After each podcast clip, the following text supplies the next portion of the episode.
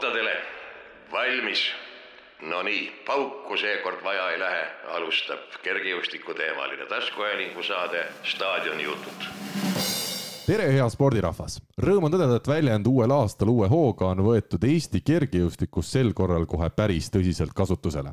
jaanuarikuu viimane nädal tõi nimelt meie kergejõustikuperre mitu uut täiskasvanute siserekordit. Neist üks sündis teisel pool ookeani, tervitused Marleenile, ja teine Iirimaal, olgu õnnesoovid edastatud ka Jake Patrickule. aga kodumaal valmistas ühe ütlemata ilusa üllatuse tänane staadionijutude stuudiokülaline, kes läbis Lasnamäe kergejõustikuhallis toimunud Eesti karikavõistlustel kuuskümmend meetrit tõketega ajaga kaheksa koma neliteist, mis teeb temast värske Eesti rekordiomaniku. tere tulemast stuudiosse, Grete Verlin! tere! sinu esimene täiskasvanute personaalrekord, sa oled küll nelja korda saja meetri jooksus Eesti rekordiomanik samuti, aga esimene personaalne rekord, kuidas tundub? No täitsa mõnus, mul on hea meel, et ma selle lõpuks sain ära tehtud, et eh, kauaoodatud kaunike. kas ikkagi tõkkedistants oli see, kus sa seda rekordit eh, ja just sisetingimustes oled oodanud kõige rohkem ja see on kõige reaalsem sulle tundunud? jah, kuna eelmine aasta jäi ikkagi kaheksa kakskümmend, siis eh, see neli sajandikku sealt ära napsata tundus nagu reaalne, et võib-olla ma isegi lootsin rohkem selle Eesti rekordi ära joosta juba eelmine hooaeg eelmine sisehooaeg siis. et, äh, et eks see kaheksa neliteist praegu väike üllatus oli, aga, aga hea üllatus. mulle meeldis see, mida sa pärast seda jooksu ütlesid Eesti meediale, et sa arvasid esialgu, et võib-olla aeg läks varem kinni. jah, sest see on arvatavasti sellepärast, et sa ei ole harjunud äh, tablool selliseid numbreid nägema, et, et võib-olla noh, kui seal kaheksa koma kaks midagi oleks alanud, aga see, et ta viskas tabloo peale algul ette kaheksa kolmteist, ma mõtlesin, mis jama, mis asja, ausalt, oli nii kiire jooks või? ja siis, kui öeldi, et kaheksa neliteist oli, siis jah, mõtlesin, okei okay,, ju siis jooksime nii kiiresti. Diana Suumann, äh, samuti isiklik rekord kaheksa seitseteist, suur abi äh, nagu, nagu sa seal oled, oled maininud ka erinevates intervjuudes, et ilma Dianata ilmselt oleks päris keeruline Eestis häid aegu nii tihti joosta. no Eestis kindlasti, ega siin äh, noh Millend kindlasti on äh, see, kes võiks pakkuda konkurentsi, konkurentsi meile siin, aga aga selles mõttes jah, kuna minul ja Dianal on tase ikkagi teistest nagu grammikene üle, siis äh, üksinda meil nagu teineteiseta on kindlasti keeruline kiiresti joosta. kõrvaltvaataja võib küsida, et tõkkejooks ikkagi siuksed omal rajal, sul on vaja oma sellist äh, rütmi. kas see, et sul kõrvalrajal jookseb teine kiire sportlane, kes sa tead, et on su põhikonkurents, ikkagi alati aitab kaasa, mitte vastupidi? no see oleneb kindlasti, mind äh, väga aitab see kaasa ja nagu näha, siis Dianat samamoodi. et äh, mingis vanuses võib-olla see oli natuke rohkem häirivam, sest et äh, me tihti ikkagi äh, hakkasime sama rütmi jooksma Dianaga ja nüüd võib-olla video pealt tundub, et me jookseme ka nagu samas rütmis, suhteliselt samas rütmis, viimane start. et eh, tegelikult mina ise jooksu ajal seda ei tundnud, et ma ikkagi tunnen, et mida vanemaks sa saad, mida kogenumaks sa saad, seda rohkem sa enam ei pane tähele, mida tema su kõrval teeb, vaid sa ikkagi nagu suudad rohkem iseenda jooksule keskenduda ja enda jooksu sees olla. et peale jooksu ma ise tundsin, et et eh, noh, ma nagu ei saanudki täpselt aru, mis see Diana seal mu kõrval tegi, aga ma kohe oskasin nagu ise analüüsida, et, et mis mul siis need mingisugused Äh, kehvemad kohad selles jooksus olid, et äh, jah, tavaliselt kui me ikkagi oleme kunagi minevikus koos jooksnud, siis ma olen alati öelnud, noh, jäime jälle samasse rütmi, on ju, et et võib-olla panin rohkem siis tähele seda, mis ta seal kõrval mul teeb. kui palju te Dianaga enne ja pärast jookse räägite võistlustel? Eks see oleneb ka jälle, et meil oli nüüd esimene start ju koos, et võistlustel, kui me ikka näeme, siis ütleme tšau ja enne starti panime nukid ja peale jooksu, kuna meil mõlemal oli veel kuuekümne meetri jooks ka, siis me natukene seal lobisesime, aga mingit pikka juttu me niimoodi ei teinud ja soovisime teineteisele õnne. Räägi see jooks läbi ka, sa ütlesid, et ikkagi mingid kehvemad kohad on äh, ilmselt igas jooksus, ka rekordijooksus sees, mis sa seekord nägid? mina, ma ütlen ausalt, ma ei olnud kohapeal, ma vaatasin seda videot mitu korda ja mulle tundus, et start tegelikult ei olnud kõige parem Äh, eks jah, mul on äh, praegu äh, see stardipool niisugune kehvakene, et, et ka eelmiste võistluste reaktsiooniajad on seda näidanud, et, et kuna ikkagi mul läks põhiaur mitmevõistluse ettevalmistusele, siis selline sprindid, eritus ja asjad ei saanud nii palju tähelepanu ja selles mõttes noh, ma nagu eeldasingi, et, et see pool võib kohe vajaka jääda. Et, et nüüd on see nagu põhifookuses, et, et proovime ka selle poole korda saada ja ja, ja hea näitaja treeningutel on olnud juba see, et tegelikult on ikkagi päris palju tulnud kvaliteetseid eh, stardipooli ka, et, et tuleb nüüd lihtsalt see võistlustel ka ära teha et kuulaja ehmuks, siis meil on plaanis täna veel ka sinu mitmevõistlusest äh, rääkida nii sellest, mis on olnud, kui ka sellest, mis loodetavasti veel ees ootab. aga praegu tuleme selle jooksu juurde tagasi, stardist me oleme rääkinud, milline see jooks oli ja millised need tõkkeületused olid? Esimene tõke natukene vist äh, läks kõrgele, nii nagu me Liiviga ehk siis äh, mu treeneriga täna arutasime ja tema oli näiteks rahul äh, viimase kolme tõkkega, et ütles, et täitsa juba nagu päris tõkkejooksja. et äh, ise ma ei teagi, mis ma nüüd täpselt siis nagu teistmoodi tegin, et arvatavasti ikkagi tõkke vahel sain jalad kiiremini käima ja, ja kindlasti viimase tõkke pealt äh, mahatulek ja finišisse jooks, et naistel on seal ikkagi piisavalt pikk maa finišisse, et, et ma suutsin seal kindlasti nagu kvaliteetsemalt joosta, sest ma tavaliselt äh, ikkagi tunnen, et, et ma olen nagu krampi ennast tõmmanud äh, ja siis ma võib-olla ei ole suutnud nagu nii lõdvalt, vabalt, kiiresti lõpuni joosta, et kindlasti selle pealt äh, ma napsasin äh, selle kolme sajandiku vahe ka Dianaga. kui poleks Dianat selles jooksus startinud, mulle meeldib seda teemat jätkata ikkagi siinkohal, mis aeg sul võiks, võinuks olla?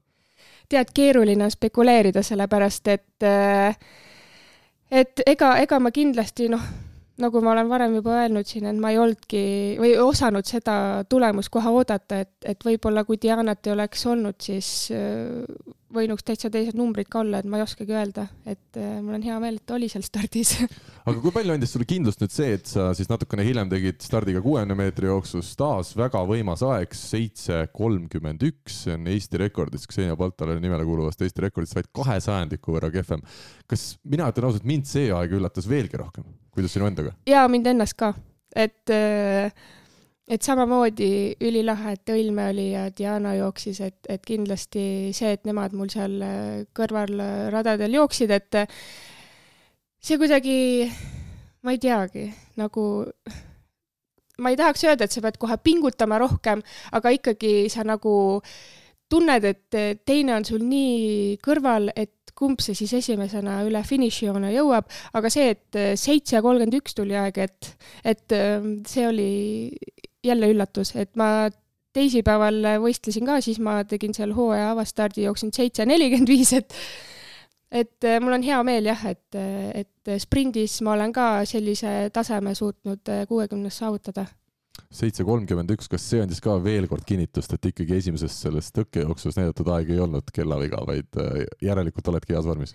jah, see kinnitas äh, tugevalt seda tõkkejooksu aega ka. no nüüd ei ole Xenia Balta rekordini enam palju minna, tõkkes võtsid selle juba ära, kuuekümnes meetris veel siis kaks sajandikku minna. kas see on sinu jaoks selline järgmine suur eesmärk või sa hetkel sellele kuuekümnele meetrile nii ei mõtle? Äh, seitsme kahekümne sisse oleks täitsa viisakas ära joosta, et siis juba on täitsa arvestatav sprinteri tulemus. et äh, ma nüüd seda nagu täielikuks eesmärgiks endale ei võta, aga kindlasti mul on hea meel, kui ma selle ära jooksen seitse kolmkümmend üks on tegelikult selline aeg, kui siin natukene kergejõustiku spetsialistidega ka pidada nõu, siis nemad ütlevad, et see annab võimaluse vähemalt joosta tõkkeid kaheksa nulliga umbes. kas ja. sa ise ka usud sellesse, et see praegu näidatud kiirus tegelikult andis mingi sisendi veel, veel tõkkejooksust eriliseks äh, arenguhüppeks? Kindlasti, eks äh, mul on tehniliselt äh, tõkkejooksus väga-väga palju kohti õnneks, mida parandada. et, äh, et kindlasti saaks ökonoomsemalt joosta ja, ja käega seal paremini ja kiiremini aidata kaasa, on ju, et, et kindlasti neid kohti on ja selles osas on hea, et, et kiirus on nagu paranenud, et jah, kindlasti on arenguruumi tõkkejooksus ka. ja kui me Xenia Baltast räägime, siis äh, on sulle tema plaanid teada nüüd pärast lapse sünnitamist äh,? me teame, et ta on ju trenni teinud, samas ma eeldan, et äh, ema rolli kõrvalt teha sporti väga tihedalt ja ütleme stabiilselt ja nii, et tagasilööke ei tule, võib olla päris keeruline. samas Xenia iseloomu tundes, võib-olla tekib tal nüüd huvi hoopis korra veel kuuskümmend neljat tõkkeid joosta nii kiiresti, et talle sinust jagu saada. aga si kui palju sina tead tema tulevasi plaane selleks hooajaks? Siis ta ilmselt ei võistle? jah, selleks hooajaks ma ei teagi, aga täna ma nägin teda trennis, siis ta õnnitles mind ja siis ma küsisin ka, et noh, mis tunne on, et et algul võttis Lusti ühe rekordi ära, nüüd tulin, võtsin mina talt ühe rekordi ära, ta ütles, et tal on muidugi hea meel, et, et kõige rohkem oleks kahju kindlasti, kui kaugusesse kunagi rekord ära võetakse, aga jah, ma ma ta neid plaane niimoodi ei tea, sest me ei ole sel teemal vestelnud, aga tore oleks näha küll, kui ta jälle jooksma tuleks, kindlasti me kõik ootame teda. tundub ta trennide põhjal okei okay vormis praegu olevat? jaa, täitsa terav, terav.. nii palju, kui ma näinud olen, siis äh, väga hästi jookseb ja tublisti teeb ja armas kiirakene on tal seal kogu aeg kaasas ja tema veel nii kiiresti ei jookse? Äh, tema veel nii kiiresti ei jookse, aga täna nägin, et ta kõndis, seda ma ei teadnud, et ta juba kõnnib Xenia ütles, et, et kaugushüpperekordit ei tahaks ära anda. kas seda sa lubad täna nii kuulajatele kui ka Xeniale, et, et kaugushüppe Xenia poolt talle kuuluvat Eesti rekordit sa oma karjääris üle ei hüppa või? ei, minul seda plaani praegu küll ei ole aga mine sa tea, on ju, et praegu, praegu ikka ei ole orbiidil see jah selge, me teame, et äh, Euroopa meistrivõistlus, ise siis Euroopa meistrivõistluste normini on sul veel omajagu minna, mis need teatud numbrid olid? Kaheksa null kolm on siis see ametlik norm, mis äh, tagab selle koha seal sada protsenti. ehk siis sul on üksteist sajandikku tegelikult minna. milles, millises suunas ise täna vaatad? me teame, see süsteem on üsna keeruline, kui ei ole just kergejõustiku statistikuga tegu, siis ilmselt äh, ilmselt päris ühe lausega seda kokku ei võta, aga me teame seda, et kui sul normi ei ole, kaheksa null neli on see norm, siis äh, null kolm just null kolm, siis eh, sel juhul tuleb käia vist paljudel välisvõistlustel, eh, kõrgete tasemetega võistlustel, kus saab siis nii-öelda ranking'u punkte. ehk yeah. siis sinu võimalus tänasel päeval on joosta kas kaheksa null kolm või käia väga tugevatel võistlustel, saada seal häid kohti, häid punkte. kumba sa ise rohkem usud, et kumb sulle võiks selle äh, siis koha EM-il lõpuks tuua, kas väga hea aeg, kaheksa null kolm või see, et sa nüüd lähedki päris palju võistlema igale poole? No eks kindlam on ikka panustada rankingu peale, et isegi ütleme, kui ma jookseks kaheksa null neli, kaheksa null viis, see ikkagi ei garanteeri mulle kohta stardis EM-il, et et äh, tark oleks ikkagi jah, nii palju neid äh, punkte koguda kui võimalik. on sul see plaan praegu olemas? jah, ma nüüd äh, laupäeval, neljandal veebruaril lähen äh, Poola võistlema ja siis üheksandal lähen äh, Soome Tampere võistlema et äh, seitsmes äh, veebruar Gutmani mälestusvõistlus on nüüd hetkel küsimärgi all, et algul oli kindel plaan sinna minna, aga, aga eks me näe, et, et et Gutmani võistlus kahjuks äh, neid ranking'u punkte nii palju ei anna, et, et selles osas siis tuleb selliseid valikuid teha siin. nii et veebruarikuu tuleb ikka päris tihe sul? no ei ütleks, et see tihe on, ma just tunnen, et hooaeg nagu just algas, aga samas nagu kohe saab läbi sisehooaja võlu? jah, eelmine aasta kuidagi see ei tundunud äh, nii lühike, et ma tundsin, et ikka sain nautida, aga nüüd on nagu noh, võib-olla see mitmevõistlus võttis väga palju ära, onju. et, et just nüüd algas ja nüüd on ainult siis äh, Poola, Soome ja, ja siis juba Eestikad onju ja siis, kui väga hästi läheb, siis juba EM, et põhimõtteliselt nagu on neli võistlust ainult veel onju, et et äh, minu jaoks kuidagi jah, käib niimoodi nagu nipsuga see on huvitav üldse vaadata seda sisehooaegade asja, sest sa oled ju kahel eelmisel aastal tiitlivõistlusel käinud. Äh, EM-il siis kaks aastat tagasi, eelmisel aastal siis MM-il ka, et nüüd sa oled jooksnud värskelt esmakordselt Eesti rekordi ja täna me räägime üldse sellest, kas, kas sa pääsed võistlusele või mitte, et päris huvitav on see, ütleme, see süsteem ka, kuidas sinna tiitlivõistlusele täna pääseb. jah, eks äh, natukene sega, segane on see süsteem, et äh, ma vaatasin täna, et mitmes ma Euroopas siis olen oma ajaga ja üheksateistkümnes olin, et selle arvelt nagu noh, kui oleks teised süsteemid, siis oleks kindel, on ju, et saaks peale. et äh, jah, ma nagu tunnengi või ma juba siin äh, suvel mõtlesin, et nii keeruliseks aetakse see värk, et et noh, mõnel sportlasel ei olegi äh, võimalust äh, nendele top-võistlustele saada, on ju, ja mis siis tema peab tegema, on ju. Mm. et äh, aga noh, ma ei tea, mis äh, süsteemid ja värgid ja asjad neil seal või poliitika selle taga on, et tuleb lihtsalt sportlasena leppida sellega no Keiso Pedriksiga rääkisime siin äh, meie siis parim meestõkke jaoks, tema ütles väga huvitava näite just eelmisest suvest, et uuris, kas Paavo Nurmi mängudele, mis me teame, on rahvusvaheliselt tugev võistlus, pääseb võistlema ja soomlased ütlesid vastu, et ei, meil kohad täis ja kui Keiso vaatas, kes siis paljud osalejad olid, kohalikud mehed, kes rekordid umbes seal neljateist sekundi äh, alguses või, või noh, peal, et ühesõnaga nendel oli vaja ranking, ranking'u punkte ja, ja siis kodune võistlus antakse võimalus, et seeläbi siis saada EM-ile, kuigi tegelikult äh, vaatame, ütleme reaalset taset, siis Keiso Pedriks võinuks seal võistlusel kindlasti suurema tõenäosusega peal olla, et see natukene hakkab see süsteem nagu mõjutama jah, sellist ka võistlustele pealevõtmist. jah, et eh, hakatakse nagu eelistama siis on ju. Aga noh, nagu ma kuulsin siin eh, jälle läbi Keiso Pedriksi, siis suvel eh, tulevad siin Eestisse meil ka päris kõvad võistlused, C-kategooria omad, et seal siis ikkagi ka meie Eesti sportlastel on hea võimalus neid ranking'u punkte hakata koguma, sest et ma ei teagi, kas nüüd sellest talvest või suvest hakkab juba ju olümpiamängude ranking'u kogumine ka pihta, et mm. et selles mõttes on tore, et, et ka Eestis sellised suured võistlused toimuvad. aga suured tänud siit siis edastame ka Keisole seetõttu, et, tema tegi täna meie saate pildi, nii et head kuulajad, kellel on midagi head öelda tänase saate pildi kohta, sõnumit saatke Keisole ja kui on parandamisruumi, siis täpselt samamoodi võtke Keisaga ühendust. aga selle lõbusa tooni pealt me läheme tänase saate esimese märksõna juurde. eeskujud jätkame saadet nüüd siis eeskujude rubriigiga, aga me peame ikkagi Ander Heilist juttu tegema, kui juba Keiso Pedriksist juttu oli. nimelt on siis Eestis nii toredad äh, noorsportlased, et äh, kui koos äh, trenni tehti Audentses spordihoones, siis Jander aitas täna tuua Grete siia stuudiosse ja Keiso tegi pilti, nii et, nii et tõesti Eesti kergejõustiku pere elab ja, ja elab hästi. aga tuleme eeskujude juurde ja alustame sellest, et sa oled vist päris suurest perest pärit tegelikult. olen suurest perest pärit. kui suurest? Ütleme siis kaks venda, kolm õde, kokku vaid kuus. aga see on siis läbi kärgpere. ja sa oled äh, pärit tegelikult Tallinnast, sa oled siis sealt Männiku kandist? jah, Männikul äh, kasvasin üles ja metsa ääres seal, mõnus kui mõnus kindlasti, kuidas, äh, kui palju sinu vanemad spordiga seotud olid ja kui palju vennad-õed?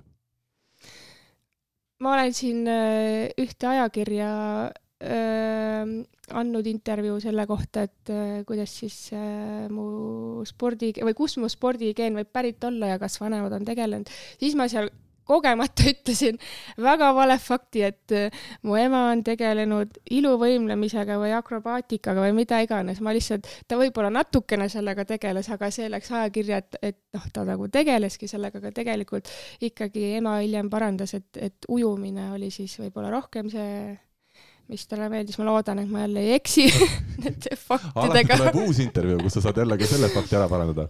jah, ja, ja isa äh,. Nii palju, kui ma tean, siis ta, talle väga meeldis korvpalli mängida. et äh, eks nad liigutanud ikka on aga vennad-õed on spordi juurde ka jõudnud äh,? kõige vanem õde on vist väga paljude erinevate spordialadega tegelenud, võrkpalli mänginud ja isegi kergejõustikku teinud. Äh, siis üks õde käis tantsimas, teine õde käis laulmas ja väike vend käis kunagi ka laulmas Äh, nüüd ta on äh, moesuunal ja kõige vanem vend, vot tema kohta ma ei oskagi öelda, tema on selline võib-olla, kes meil kõige rohkem neid raamatuid lugenud on selge.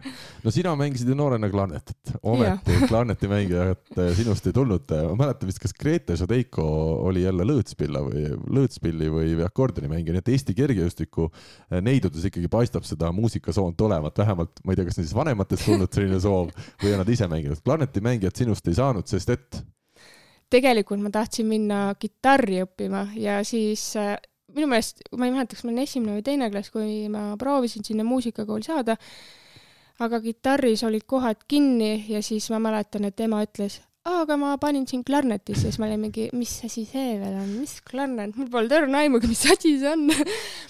Ja ütleme, et, et ikkagi ma seal mingis osas käisin sellepärast, et emale meeldis see. Ja, ja nii häbi, kui mul seda ka tunnistada ei oleks, siis äh, viimane aasta ma põhimõtteliselt kõik tunnid viilisin sealt ja issand, ma mäletan, mis äh, hirm ja ärevus ja stress mul oli, siis ma nagu varjasin seda vanemate eest ja kui see lõpuks kõik välja tuli, et, et oh issand, milline koorem turjalt äh, vabanes, et see oli üks kõige suurem õppetund mul nooruspõlves, et, et ikkagi, kui sulle midagi ei meeldi ja ei sobi, siis ütle, aga ma lihtsalt kartsin.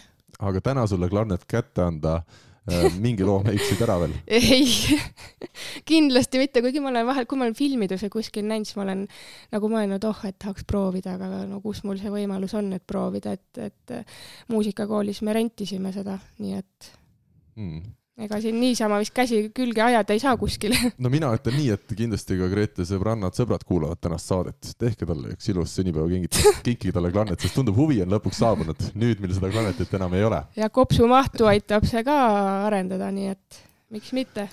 aga äh, ikkagi sporditeel sa olid üsna varakult äh,, sa oled maininud, et sulle selline liikumine on lapsest saati väga meeldinud. räägi ja. natukene oma sellest taustast, kus äh,, kus seda sporti tegema hakatud sai ja, ja mil moel see lapsepõlves välja nägi? No ma arvan, et äh, juba üsna noores eas, äh, noh, kuna õnneks ei olnud äh, nutitelefone ja muid vidinaid, siis väga suur osa lapsepõlvest mööd-, möödus ikkagi õues mängides ja ringi joostes, ronides ja vanematel oli selles osas ikkagi nii suur usaldus, et nad lubasid meid igale poole asju tegema, et äh, et selline vabadus oli ja samamoodi kõik suved veetsime Saaremaal vanavanemate juures ja neil oli seal suur-suur-suur selline tühi aas, kus siis äh, mulle meeldis väga joosta, eriti veel, kui vanaisa oli just värskelt muru ära niitnud, siis oli, olid need muruniiduki jutid, jooned täpselt nagu oleks äh, jooksurada. Yeah. et siis mulle meeldis alati seal joosta, väga palju sõitsime ringi rattaga et kõige lähim pood oli neli kilomeetrit, kui ikkagi tuli jäätisisu või šokolaadiisu, siis pidi poodi väntama ja poest tagasi ka veel ja väntama. ära sellesama, mis sa sealt ostsid? jah ja võib-olla siis väga tihti jäigi ostmata, kuna sa tundsid, et no täna ikka ei jaksa minna, et täna on nii kuum ilm ja kuidagi noorena tundus see distants nii, nii pikk ka veel kruusatee peal sõites. ja muidugi ka mererand oli kaheksa kilomeetrit, et et vahel me ikka sinna väntasime ja et noh, ikkagi suved olid aktiivsed, arvutis üldse ei istunud, vanemal vanaisal seal internetti ei olnud, klapitelefonis või nuputelefonis seal ka midagi väga peale helinate kuulamise teha ei olnud, onju. et siis jah, seal küla vahel teiste lastega koos jooksime ringi, turnisime, külakiigel kiikusime ja igasugu lollusi tegime kusjuures mul on väga sarnased mälestused Vääna-Jõesuust, mis on küll Saaremaast oluliselt lähemal, minu suvi tasus seal ja meil oli täpselt samamoodi siin aas või mahajäetud põld, kus enam äh, mingit äh, vilja ei kasvatatud ja seal on erinevad rekordid siis endiste kergejõustiklaste Rasmus ja Sixten Kerge nimel ja minu naabripoiss oli Jaan Puidet, tänane Eesti korvpallikoondislane, nii et kõik rekordid on äh, selle neliku vahel ära jagatud ja pean tõdema, et ka Jaan Puidet oli, oli, oli kergejõustikus minust suuremate saavutustega seal põllu peal, nii et ega neid rekordeid minu nimel ilmselt väga palju ei jäänud, aga väga tore taust igatahes, me viskasime seal oda, heitsime ketast, tõukasime kuuli, äh, jooksime sprinti, sina päris kergejõustikuga sedasi otseselt Saaremaal ei tegelenud, sa pigem jooksid sama ringi? Nojah, kuna ma olin ikkagi nii noor, siis äh, jah, aga tegelikult nüüd, kui ma mõtlen nagu veel lapsepõlve peale, siis mul tuleb meelde ka see, et, et lasteaias, kui olid mingisugused teatejooksud ja asjad, siis ma, noh, need on mul ikkagi eredalt meeles, et, et siis ma seal ikka ka puhasin kiiresti, et, et kuskilt mul ikkagi see mingisugune jooksupisik külge siis jäi, ma ei tea küll kust, aga, aga ikkagi kindlasti see, et ma noores eas nii, nii, nii palju värskes õhus liikusin lihtsalt ma palusin enne saadet ka sul natukene enda kohta põhiasjad kirja panna, üks huvitavamaid asju, mis sa kirja panid, on see, et just Saaremaal asub sinu lemmikpaik, see on sealsamal vanavanemate juures siis Valjalas ja see on üks aianurgake suvilas, vaatega lehmapõllule. jaa, ma arvan, et äh, see on äh, lemmikkohaks kujunenud sellepärast, et alati võib-olla kui meel oli nukker, noh, kui vanemate igatsus tuli või või siis, kui just vanemad Tallinnast Saaremaale sõitsid, siis see oli selline nurgakene, kus siis äh, nägi äh, kaugemale kruusatee peale, tavaliselt me õdedega seal siis vanemaid ootasimegi, nägime, et nad tulevad, sõitsime ratastega neile poole tee peale vastu tervitama. ja kuidagi see kujunes nagu minu lemmikkohaks, et, et kui ma seal oma parima sõbrannaga helistasin, siis ma alati läksin sinna ja vaatasin sinna põllule ja, ja kuidagi alati oli, seal olid väga ilusad loojangud või kui udu äh, on äh, udu on väljas, jah udu on väljas. või noh, ükskõik mis ilm või, või sealt on lihtsalt ilus vaade mm. -hmm. ja need lehmad on lihtsalt boonuseks seal, armsad boonuslehmad, aga kas saarlaseks sa ennast ikkagi mitte mingil kujul ei pea? Poolenisti ikka olen. poolenisti pead, jah? kui küsitakse, ma ütlen alati poolsaarlane, isa on täiesti sada protsenti Saaremaalt pärit aga õ-tähte sa oled ikkagi hea meelega võtnud koolis vastu? no logopeedi juures ma olen sellega käinud ja siiamaani ma vahel ajan sassi, aga mul juba täitsa suva ka, et, et aga inimene saab ikka aru. absoluutselt, mina ka pigem ütlen, see lisab äh, sellisele vokaalsele äh, sõnaesitusele inimese puhul juurde pigem, kui seda õ-d ei ole. aga see ongi just naljakas, et, et vahel kui ma tean, et äh, lauses tuleb mul öö ja õ-ga äh, mingisugune sõna sisse, siis mul nagu tekib mingisugune error, ma pean hästi jälgima, kuidas ma nüüd seda sõna hääldan, et vahel läheb õigesti, vahel läheb tagurpidi et selles osas on jah, kuidas jumal juhatab. me oleme nüüd hakanud kergejõustiku teemadest päris kaugele jooksma, aga seda ka ütleme ikkagi põhjendatult.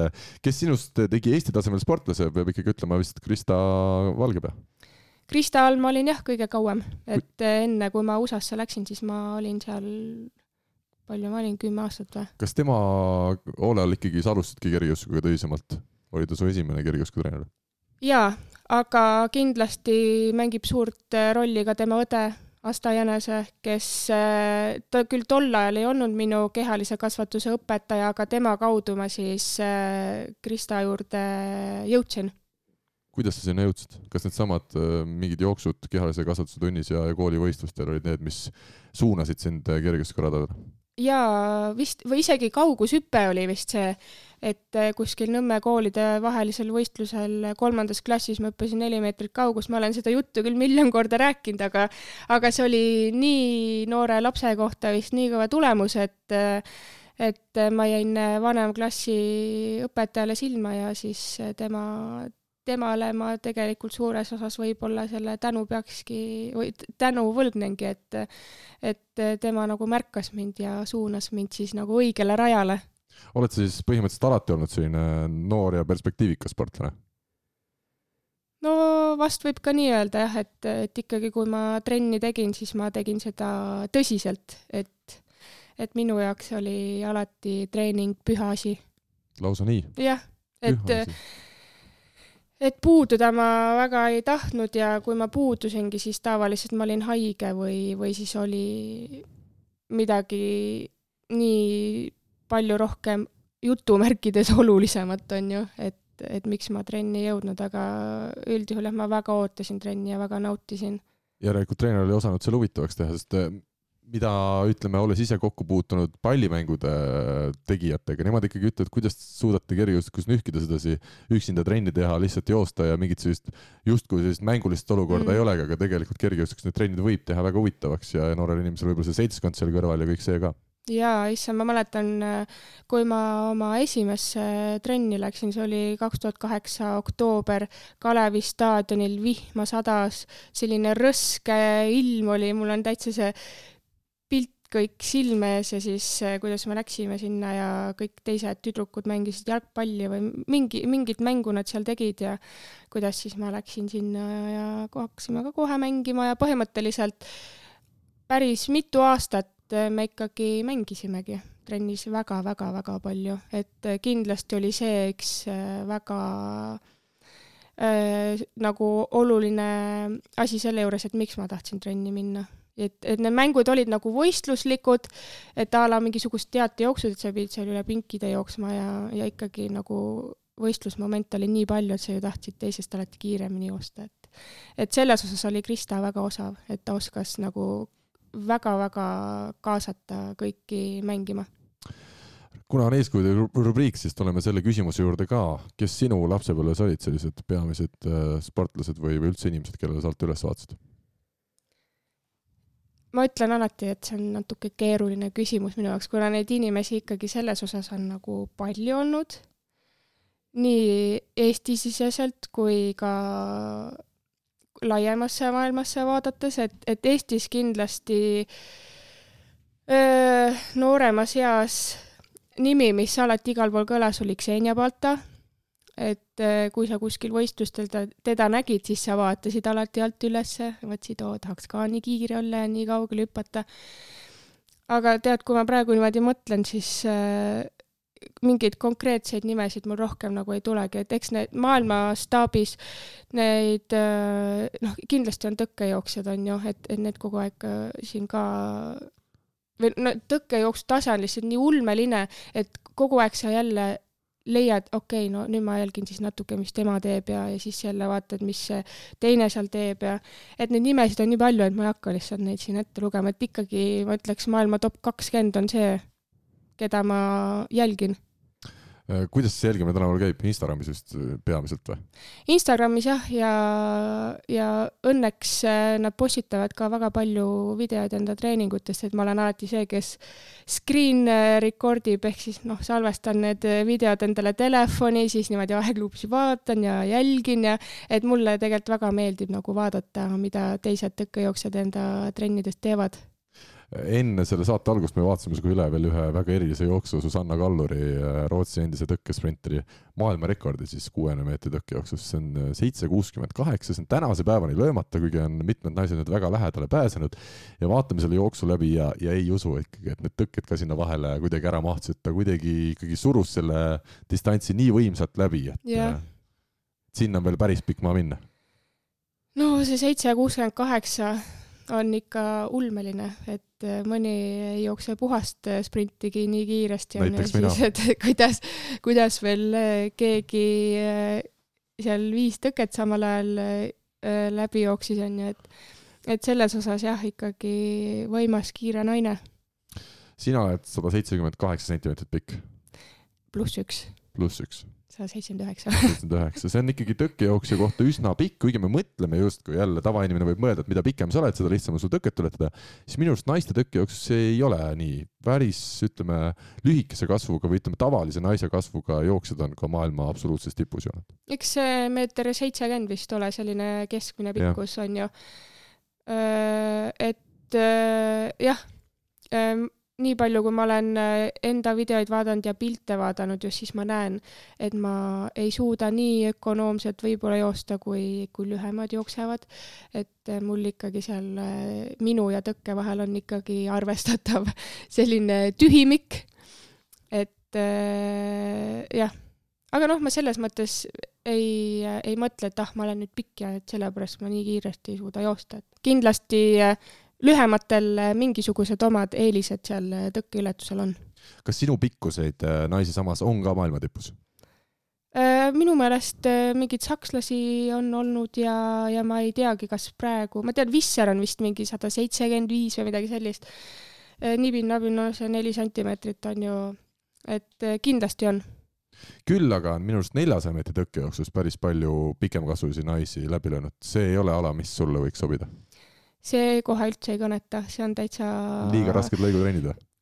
ka see, aga, aga kindlasti ka mentaalselt peab väga tugev olema, et seda ala teha, et kindlasti mina seda ei suudaks, et, et see on ka jällegist asi, mida siis oleks võinud hakata tegema nooremas eas kuna me oleme siin rääkinud äh, tõkkesprindist laiemalt, siis äh, huvitav asi, kas sa tead, mis oli kaks tuhat üheksateist aastal Glasgow's ja kaks tuhat kakskümmend üks Torunnis sise-Euroopa meistrivõistlustel medali hind naiste kuuekümne meetri tõkkejooksus? ma ei mäleta äh, kaks tuhat üheksateist oli kaheksa null null tegelikult. kaheksa null null. ja me vaatame, et Euroopa meistrite norm on täna nii kõrge kui mhm. kaheksa null kolm siis ega seal suurt vahet ei olegi ja seitse üheksakümmend kaks, tõsi, oli siis kaks tuhat kakskümmend üks Torunis, eks seal oli natuke kõvem, aga et on saadud Euroopa meistrivõistlustel sees siis ka medalit äh, kaheksasekundilise ajaga mm. -hmm kas see paneb sind mõtlema ka, et tegelikult see, ütleme, medal ei, ei pruugi olla kaugel, kui sa vaatad mingeid Euroopa meistrivõistlusi nende tulemusi?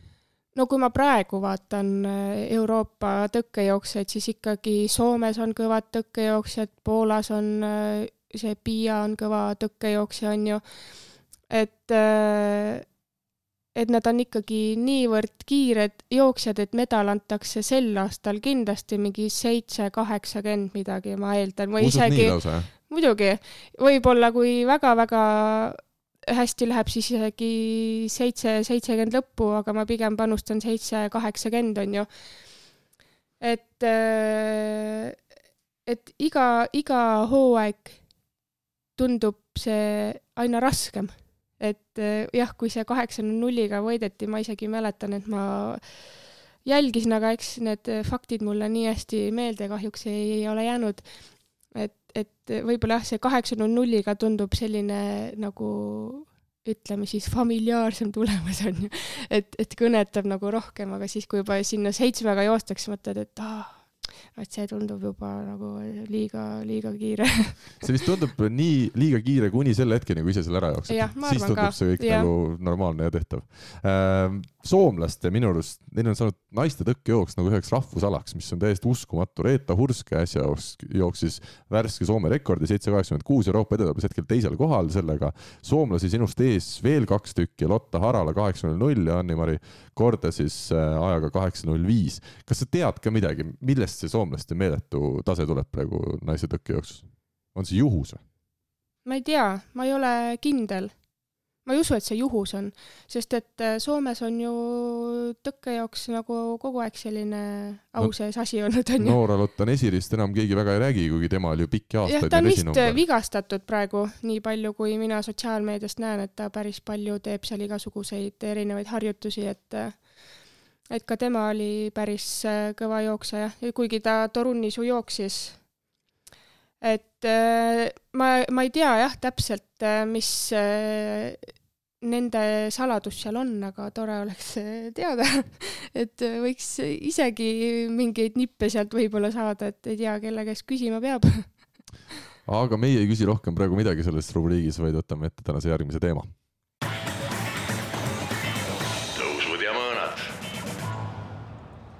tõusudest ja mõõnadest rääkimist äh, alustame sellega, et äh, minu arust sind peetakse sellise väga positiivse olekuga sportlaseks. kas see on sisemiselt ka nii, tunned sa sedasi või see on selline väline kuvand? ikka seesmiselt on sama, aga eks ma olen noomida saanud siin, et liiga positiivne sportlane üldse sportlikku viha ei ole ja tegelikult ma saan aru sellest, et äh, ikkagi tõkkejooks on siis vihase sportlase ala, et, et tuleb kuidagi kunstlikult äh, osata ennast natuke vihaseks ajada, et ei saa seal niimoodi rõõmsalt joosta ju kuidas ennast äh, vihaseks kunstlikult ajada? no ma siin võistlustel olen proovinud nagu noh, tavaliselt öeldakse, no kui sa tahad rõõmus olla, siis mine peeglit ja naerata, et siis äkki tuleb hea tuju. mina siis proovin vastupidi, et ma nagu ajan kulmukortsu niimoodi ja proovin nagu kuidagi seda viha endast tekitada, et Liiv ütleb, et ma ei tea, peksa oma jalgu või ma ei tea, mida iganes, et. Äh, aga aitab et..., tunned sa? no ma, ma tunnen, et ma ei ole veel seda õiget vihataset kätte saanud, et, et kindlasti selles osas arenguruumi veel on, aga noh, võib-olla ma ei suudagi, et, äh, et olen ka oma positiivse kuvandiga hakkama saanud siin tõkkejooksus, et pole hullu mulle tundub ka pigem nii. sa oled täna kahekümne viie aastane, peaaegu kakskümmend kuus, jälle sõbrad, äh, tuttavad kõik äh, olge, olge siis valmis selleks, et, äh, et sünnipäevaõnnitlusi tuleb varsti jagada ja kinke ka.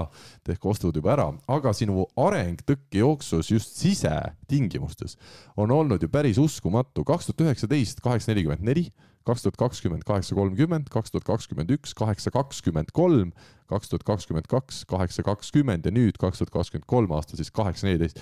ehk siis sa oled järjest äh, nüüd siis viiel aastal suutnud oma rekordit uuendada see on päris minu arust haruldane asi ühe sportlase jaoks, see näitab, et sa oled püsinud kaua terve ja teinud õige, õigeid asju vist reeglina. jah, ma arvan, et ma päris mitu aastat tegelikult jooksin sinna kaheksa, neljakümne kanti, on ju. et äh, see kõik, see kõige suurem areng tuli ikkagi, kui ma USA-sse läksin. Et äh, Krista ütles ka, et ta ei osanud enam treenerina mingisuguseid vigu näha, et tema jaoks see oligi nagu normaalne, on ju, minu liigutused kõik. et USA-s oli mul ikkagi üli-ülilahe treener, kes oli täielik tõkkejooksu spetsialist ja, ja tema käe all ma ikkagi oma isiklikust äh, napsasin maha vist äh, kaksteist sajandikku või, kaheksa kolmkümmend jooksin lõpuks USA-s välja, et äh, sealt jah, noh, esiteks, et juba jõutrennid olid seal täitsa teistmoodi ja, ja üldse kogu ettevalmistus, et, et see kindlasti oli üks väga suur siis ütleme see, mis selle lumepalli veerema siin pani. kas sinu üks arengu, ütleme, juuri võib peituda ka selles, kui nii üldistada, et sa võib-olla ei teinudki liiga vara, ei hakanud rasket jõudu tegema, vaid sa arendasid oma tehnikat ja, ja kõike seda jooksu poolt?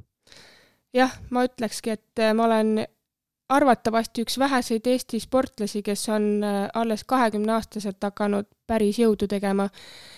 et äh, enne kahe tuhande seitsmeteistkümnendat aastat ma tegin põhimõtteliselt ainult kangiga rebimisi ja võib-olla seal mingeid väikseid harjutusi veel, aga põhimõtteliselt nagu midagi.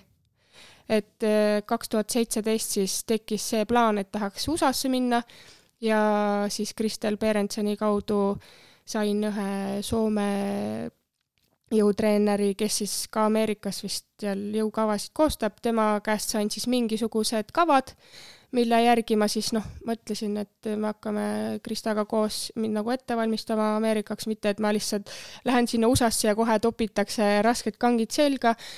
et, et hakkasime siis vaikselt nagu harjutama ja kindlasti jõud oli ka siis see asi, mis äh, andis äh, juurde kohe jõud hakkas sulle kergesti külge?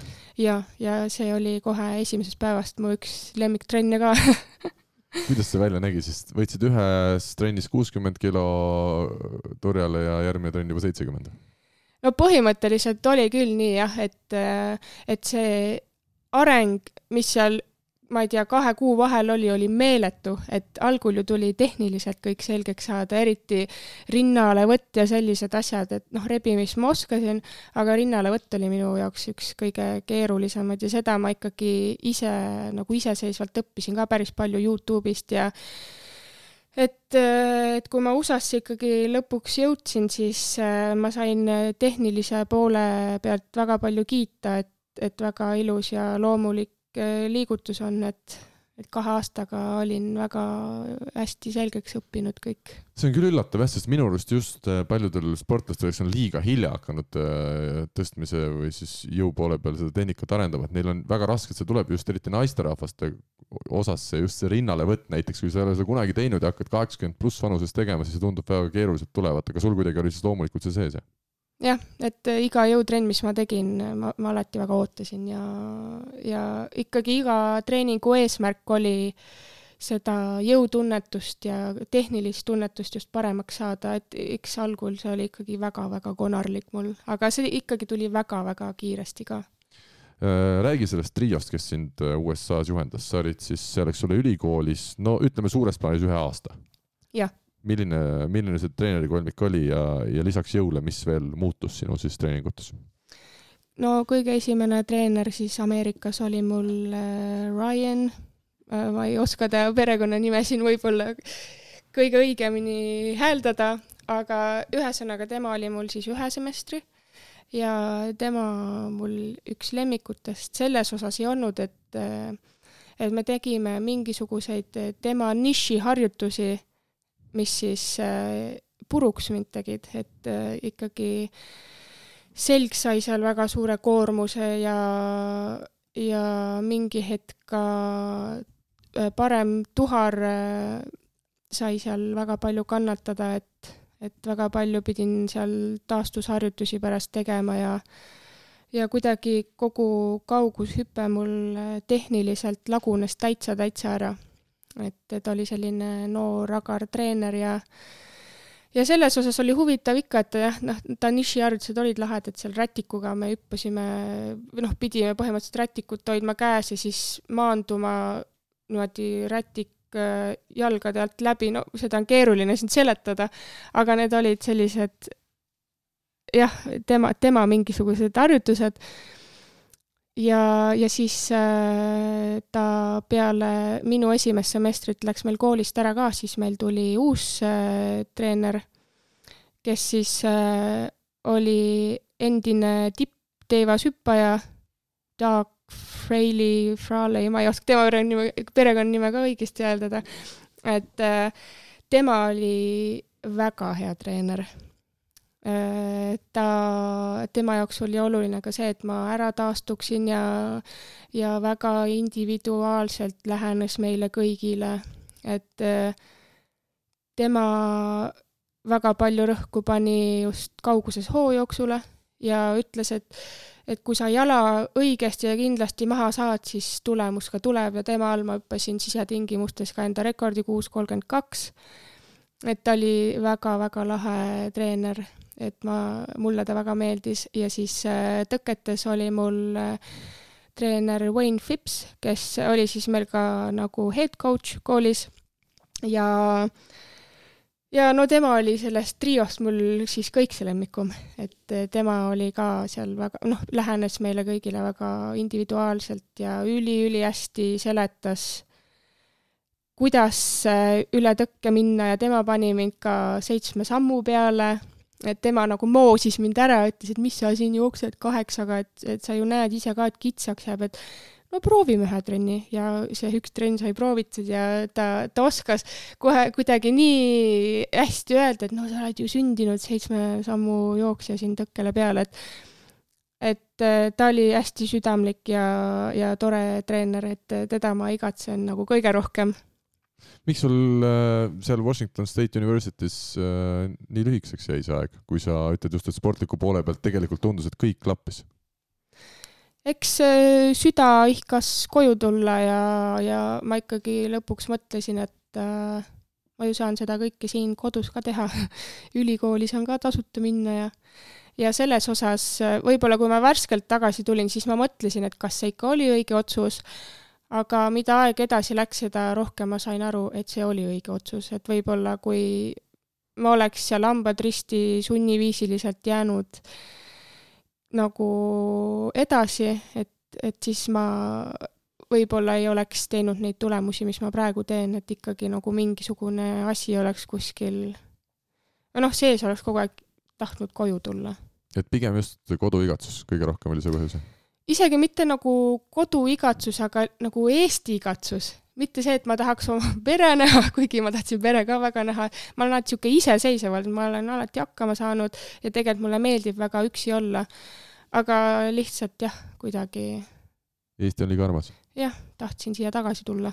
seda on küll tegelikult väga ilus kuulda ja samas äh, ma saan aru nii, et, et äh, sa küll ei olnud seal kauemat aega, aga samas seesama aasta oli sulle ikkagi väga oluline just äh, igas mõttes.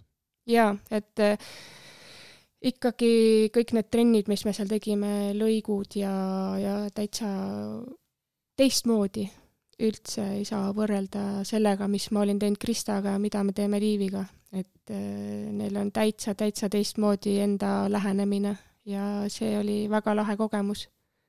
kuidas sa koroona üle elasid, kas sinu jaoks see tuli mingis mõttes sellise hea puhastusena, nagu paljud sportlased on öelnud, et ta andis võib-olla aega äh, atra seada ja, ja rahulikult võtta elu, elu ja sporti vahepeal või, või kuidas sinu jaoks see periood äh, välja kujunes? eks oli igav ja äh, selles mõttes, et noh, ei saanud teistega koos trenni teha, ei olnud lubatud ja, ja siis kuidagi ise seal natuke pidi midagi leiutama ja, ja ikkagi, kui see võistlushooaeg kaks tuhat kakskümmend suvi algas, siis seisud olid mul ikka väga kehvad. Aga noh, ma olin endale külge haakinud äh, koroona kõrvalt ka ühe teise viiruse, mis siis minu immuunsüsteemi täitsa alla oli viinud ja, ja põhimõtteliselt ma olin kakskümmend neli seitse väsinud ja, ja üldse jaksu, jõudu ei olnud, et et suve lõpuks ma suutsin sellest välja tulla ja seda oli kohe tulemuste poolest ka näha.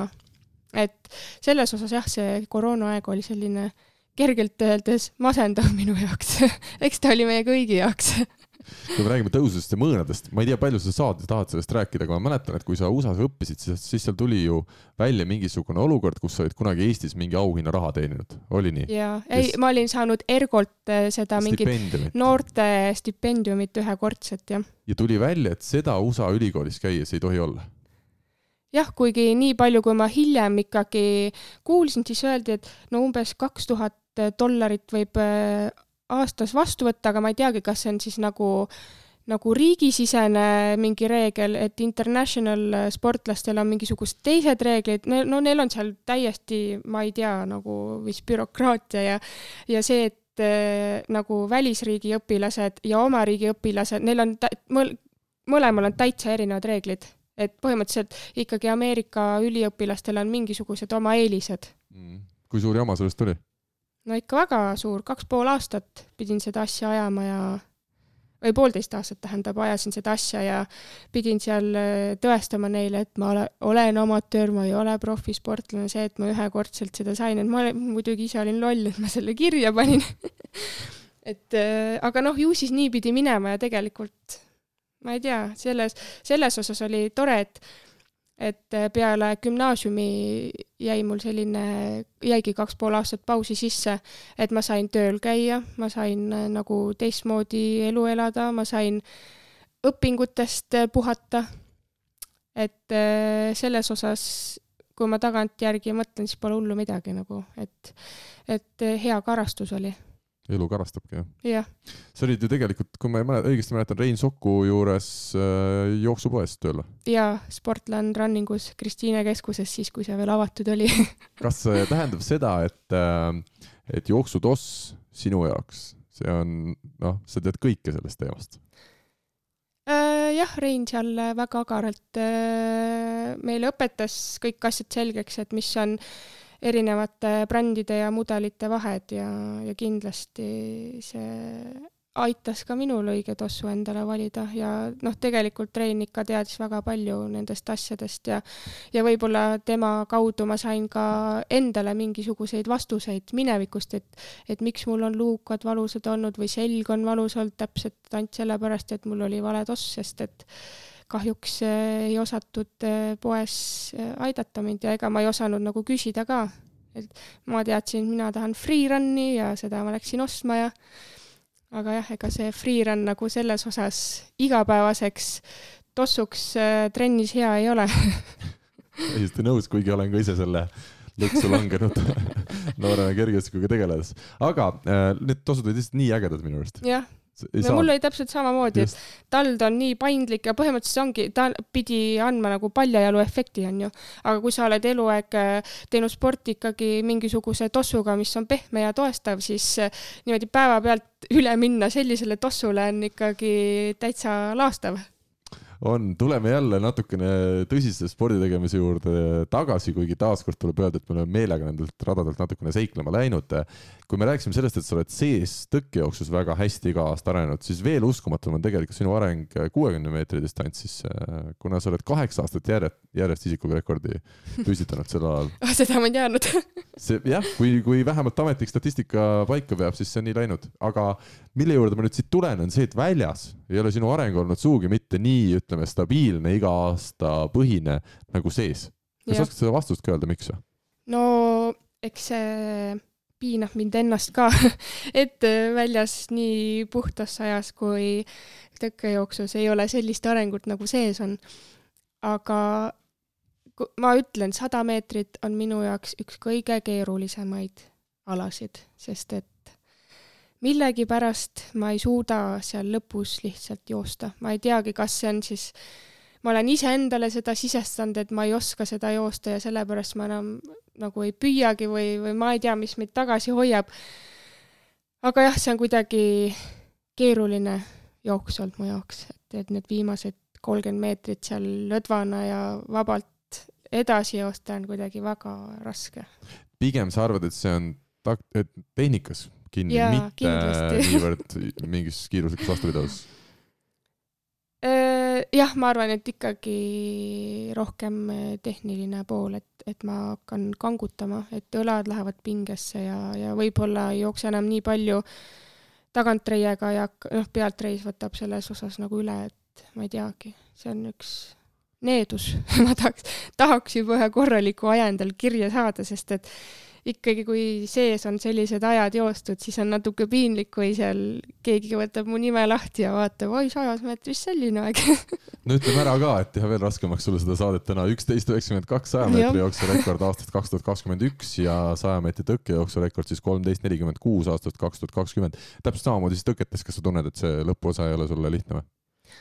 ma ei teagi, tegelikult nüüd, kui ma nagu täpsemalt mõtlen, siis ikkagi välitingimustes on mul keerulisem, kuna ma olen allergik. ja, ja ikkagi kui kehas on põletik, siis äh, koguneb vedelik ja, ja natuke võib-olla ka kaal on äh, kõrgem kui, kui sees äh, võisteldes. et tõkke peal ma arvan lihtsalt, et hoog nagu vajub ära, et kunagi, kui ma kaheksaga peale jooksin, siis ma teadsingi, et mul oli, esimene pool oli kiire ja siis teine pool vajus ära, aga kui ma seitsmega hakkasin jooksma, siis oli nagu vastupidiselt, et noh, nagu õige tõkke jaoks olema peab, et kiirus hakkab kasvama, on ju.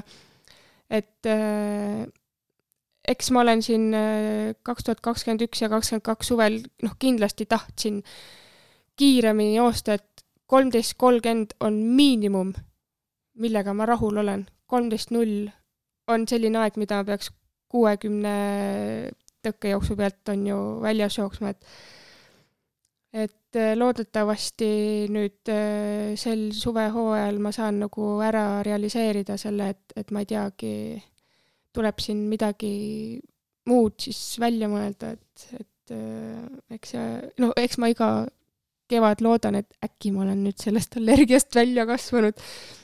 aga ei aga ma arvan, et mida need suvis või nüüd talvised praegused ajad juba on näidanud, näitavad seda, et kindlasti sul on eeldus suvel nüüd seda rekordit päris mitme kümnendiku võrra vähemalt parandada nii sajas kui ka tõkkespendis. jah, loodame, et äh, lõpuks saab see ära tehtud. aga läheme edasi ja räägime sinu praegusest treenerist, Liiv Eerik. jah, räägime, mis me räägime kuidas tema treenerina sulle on mõjunud? No Liiviga me oleme esiteks samal päeval sündinud, me oleme mõlemad mingis osas natukene kangekaelsed ja alati ma saan äh, aru Liivist, kui meil mingisugused erimeelsused võib-olla tekivad. Äh, aga ma olen äh, Liiviga selles osas rahul, et ta oskab sportlasi nagu targalt treenida selles osas, et ta ei et me ei pinguta nagu kunagi üle. ja kõik on nagu hästi tasakaalus. ja jah, nagu, nagu kuidagi vähe, vähem nagu teeme neid asju ja, ja kvaliteetsemalt, et, et ei olegi tõesti sellist korda, et peale trenni oled nii-nii väsinud, mõtled, et issand jumal, homme küll trenni ei jaksa minna et nagu selliseid asju Liiviga ei ole olnud mitte kunagi. kas ja kellega sa koos treenid igapäevaselt? poistega eks äh, sügisel äh, päris äh, palju trenne tegin üksinda, aga, aga eks seal taustal on ikka Henri Sai, Robin Sapar, Sten Andersepp, Martin Täht, noh, Rasmus Kisel seal teeb omi asju vahepeal ja Igor Andreejev, noh, võib-olla mõned nimed jäävad siin nimetamata, aga, aga jah, poistega kuidas see sulle mõjub või kuidas sa tunned ennast? ma ei tea, poistega on alati tore teha ja nüüd vahepeal siin talvel käis ja suvel muidugi on Pipi ka, on ju, Pipi Lotenok, et, et väga vahva on. kas on ka mingeid elemente, millest sa kellelegi nendest nimetatud poistest ära teed? Äh, praegu vist veel ei tee, aga ma tean, et Liivi noorematele poistele ma teen kolmekümnes lendavas ära missugune lendav aeg on? no nüüd eh, detsembri lõpus jooksin kolm neliteist, aga nüüd see kindlasti peaks eh, sellise eh, kuuekümne aja pealt veel kiirem olema, aga noh, see ei ole nagu peamine prioriteet, et siin nüüd treeningsiseselt neid ka rekordeid murda, on ju, et et selles osas jah, kolm neliteist jäi mul kirja sa rääkisid siin äh, Liivist äh, persoonist kui ka treenerist, kuidas sa üldse kriitikasse suhtud? kas ütleme see, kui treener ütleb midagi, et kuule, praegu on ikka täitsa kehvasti, selle sa võtad äh, oma sisse kui, kui sellise hea asja, millest edasi minna või vahel see paneb natukene hinge valutama ka? see eilenõtkus on mul väga hea kui mulle öeldakse äh, ütleme siis noh, nagu negatiivselt või, või, või mingisugune kriitika minu suunas tuleb, ma alati väga huviga kuulan, sest et see on minu jaoks õppimise koht. et, et üldjuhul Liivi ei tule niisama asjata midagi ütlema, et võib-olla mingeid asju ta forsseerib üle, aga see on samas nagu hea, sest et siis ma pean nagu rohkem mõtlema, on ju. et jah, mulle võib öelda ükskõik mida, et et oleneb, kes seda mulle ütleb, et, et ma kuulan alati viisakalt ära ja siis filtreerin välja, kas oli oluline või mitte mis on su sportlaskarjääris kõige keerulisem hetk olnud või keerulisem aeg?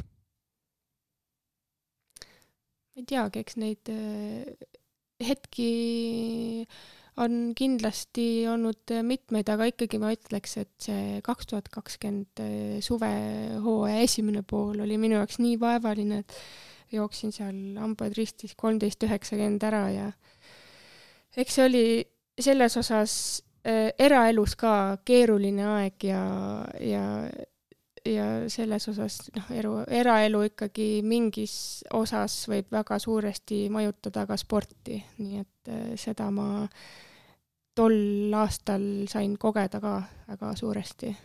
Mm.. aga sa ometi tulid sellest välja ikkagi üsna hästi?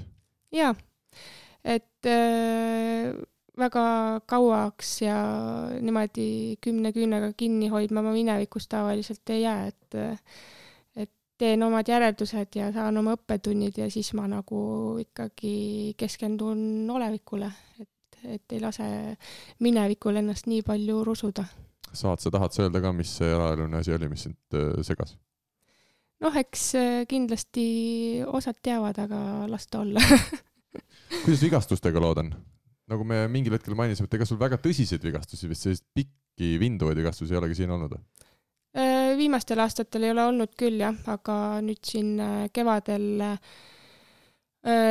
tekkis väike krooniline vigastus äh, sellest, et, et ma tarbisin kreatiini, mille kõrvalt siis peaks rohkem vett jooma ja liikuma peale treeninguid, aga kuna mul oli koolis väga selline pingeline aeg, siis ja muidugi mina super prokrastineerijana jätan kõik viimasele minutile ka, siis mul ikkagi tekkis selline periood, kus ma kahe nädala vältel põhimõtteliselt peale igat trenni läksin otse koju äh, arvuti taha istuma ja ma võisin seal äh, kümneid või kümme tundi istuda järjest, lihtsalt et ma saaks oma asjad tehtud, ärevus, stress, kõik värgid-särgid ka sinna juurde, et, et lõpuks ma lihtsalt äh, arvatavasti istusin nii kaua, et mul tekkis äh, mõlema tagaraie pitseps lihas, lihase kinnitustesse tuhar alla siis põletik, mille tõttu siis ka terve suvehooaeg nagu nahka läks. no tänases saates me siis proovime, võid ka vahepeal seista, kui, kui juba tunned, et jutt läheb liiga pikaks. aga praegu sa tunned hästi mingit ütleme sellist terviseprobleemi sul siin talvel ei ole esinenud?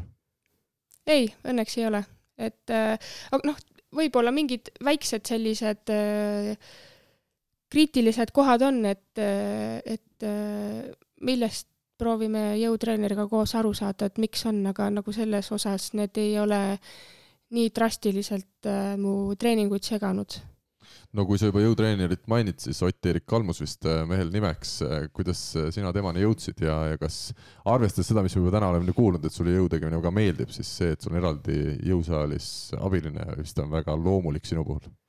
jaa, Otini ma jõudsin läbi Mihkel Mardna tegelikult, kui ma suvel käisin ta vastuvõtul, et siis täpselt aru saada, mis mul seal tagareitega toimub ja, ja siis ta määras mulle seal ravi ja ütleski, et, et põhimõtteliselt äh, ta, ta arvab, et erialast äh, jõutreeningut on lihtsalt vähe ka tehtud. et mistõttu siis mul seal kõik need asjad tagareites toimusid ja siis ma küsisin tema käest, et kas tema oskab mulle soovitada kedagi ja kuna ta äh, teeb tööd koos ka Rasmus Mägiga, siis äh, siis äh, ma kirjutasingi Rasmusele ja, ja küsisin, et kas oleks võimalik palun Oti kontakti saada ja, ja siis läbi Rasmuse põhimõtteliselt äh, see koostöö nagu ka algas, et äh, et Rasmus seal küsis mingisuguseid eelküsimusi mu käest ja, ja siis Ott andis rohelise tule, et las ta kirjutab mulle. Ja suht kiiresti nagu sai asjad aetud ja, ja siis kohe septembris ma hakkasin tegema räägi siis nendest, äh, ütleme, muudatustest, mis temaga on kaasnenud.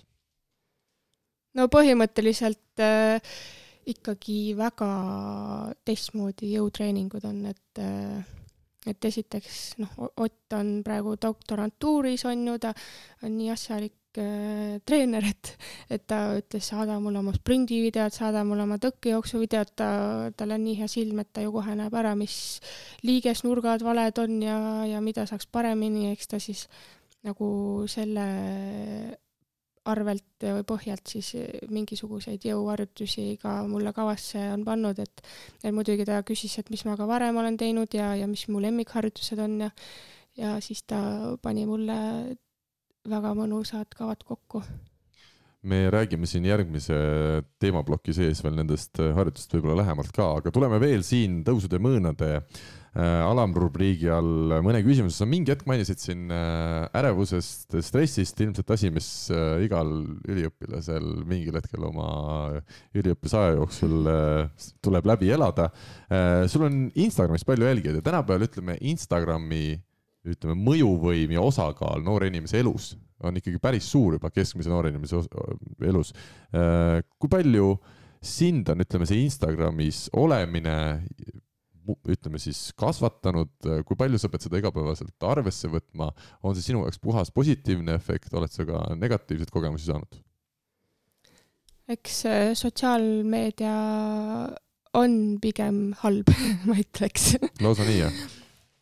No selles osas küll, et noh, eriti noortele, kes äh, kasvavadki sotsiaalmeedia taustal, on ju üles, et äh, et õnneks meil oli selline tervislik äh, lapsepõlv, aga ikkagi sa ei oska enam vahet teha sotsiaalmeedias, mis on päris ja mis ei ole ja, ja, ja see võib väga palju tekitada selliseid mõtteid pähe ja halbu mõtteid siis ja, ja hakkad liiga palju teistega ennast võrdlema ja kõik on liiga kättesaadav aga on sul mingisugune õpetus siin ka öelda või, või omapoolne kogemus, et mida noortele, kes meid täna kuulavad, võib-olla selle sotsiaalmeediaga arvesse tuleks võtta? no ma arvan, et lihtsalt kõige tervislikum on enda ekraaniaega vähendada ja ega ma olen siin enda sõpradele ka öelnud, et tegelikult oleks hea, kui saaks kõik asjad ära kustutada. et e enam ei jaksa kogu aeg tegeleda ka, aga noh, kuna mul on ikkagi mingisugused kohustused, siis ma ei saa lihtsalt päevapealt ära kaduda, onju. et sa pead siis silmas mingit äh, sponsorlepinguid või toetusi? jah, et mingisugused äh, koostööd on, et tuleb seal mõne aja tagant mingisuguseid postitusi või asju teha, onju et selles osas ikkagi sportlasele so sotsiaalmeedia on hea, et, et see mingisugused uksed ja võimalused avab, on ju. aga jah, ma, ma, ma niimoodi midagi konkreetset noortele ei oska edasi öelda, aga lihtsalt ma arvan, et noh, ma võin seda öelda, et ei tasu ennast võrrelda teistega, sest noored inimesed, ma võin seda neile öelda, aga nad, nad ei hooma veel seda, sest et nende aju ju ka alles areneb ja nad saavad võib-olla ka sellest alles aru siis, kui nad on sama vanad kui mina, on ju. mõni ei saa ka minu vanuselt aru, et, et jah, lihtsalt äh, ei tasu alati sotsiaalmeedias kõike tõe pähe võtta ja, ja ei tasu hulluks minna. võib-olla üks asi, mis mind natukene muret äh, muretsema panev, on see, et äh, ka need väärtused, mis tänapäeval võib-olla sotsiaalmeedia noortele loob, et ma ikkagi, seda on nii palju räägitud, aga ma kordaks ka, et kui vanasti taheti saada arstiks või, või, või midagi, ütleme, suurt korda saata, siis tänapäeva lastel või, või noortel on eesmärk saada suunamudijaks et, et kui sul kogu elu väärtus põhineb sellele, et olla Instagramis, teha viieteistsekundilisi videoid sellest äh, mingist tootest ja, ja mõeldagi, et see ongi elu ja nii elatakse ära ja et nii olema peabki, et siis see võib luua väga sellised väärad minu arust väärtused äh, täiskasvanu jaoks, kust, kus võib-olla on siis neid muutusi teha või sellesse päris maailma tulla. Päris keeruline võib-olla.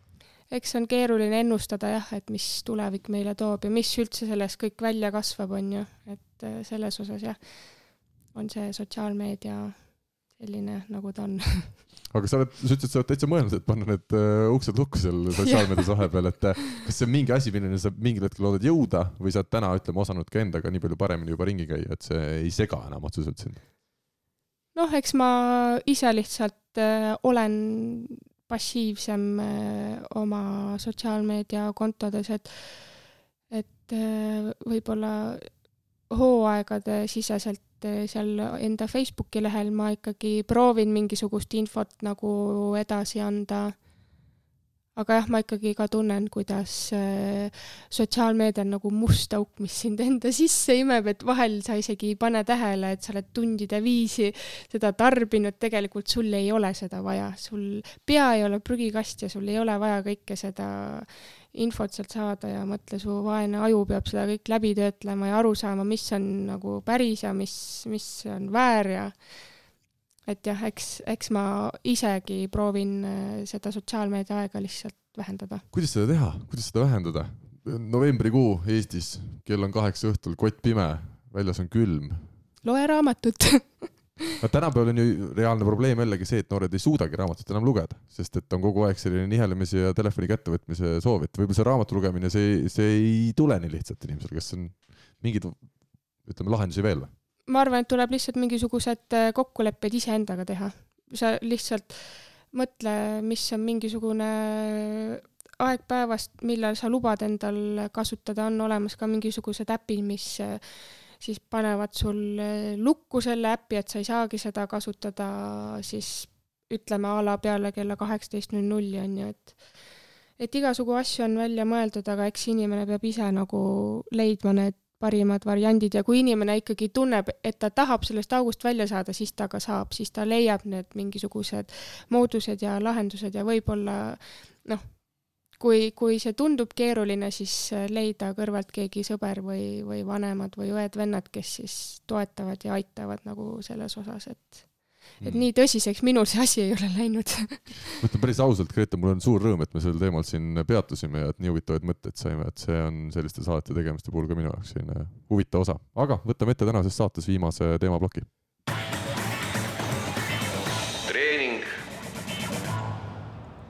treeningu alamrubriiki ma väga tahaksin ikkagi endise mitmevõistlejana alustada just mitmevõistlusest.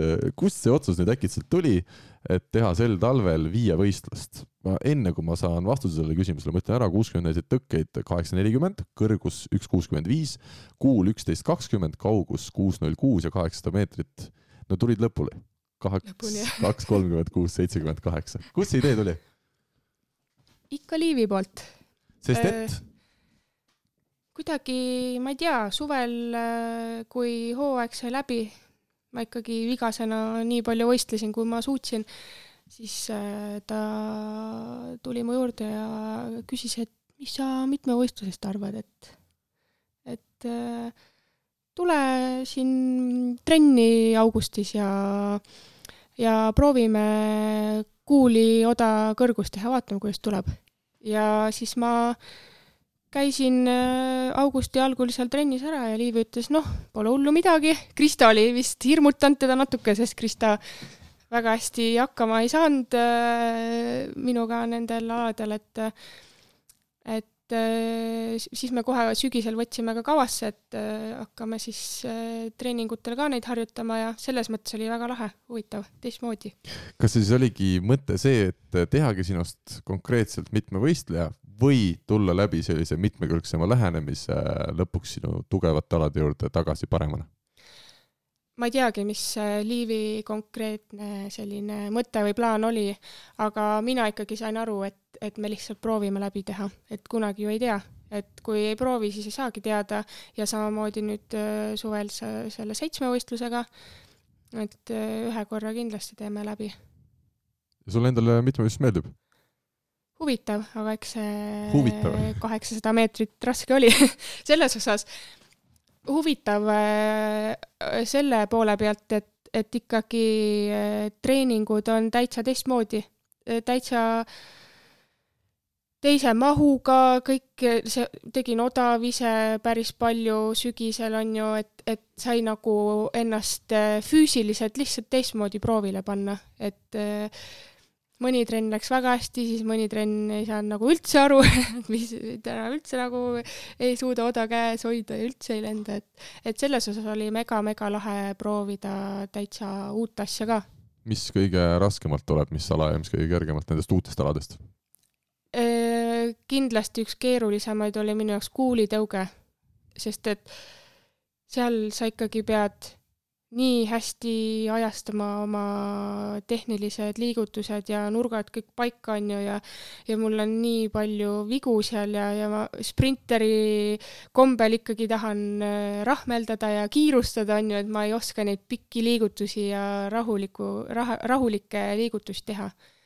et äh, see kuulitõuge oli minu jaoks jah, üks selline keeruline, aga samas ikkagi jälle väga põnev ja kõige siis lihtsamini, mis on tulnud uutest aladest? kui üldse midagi?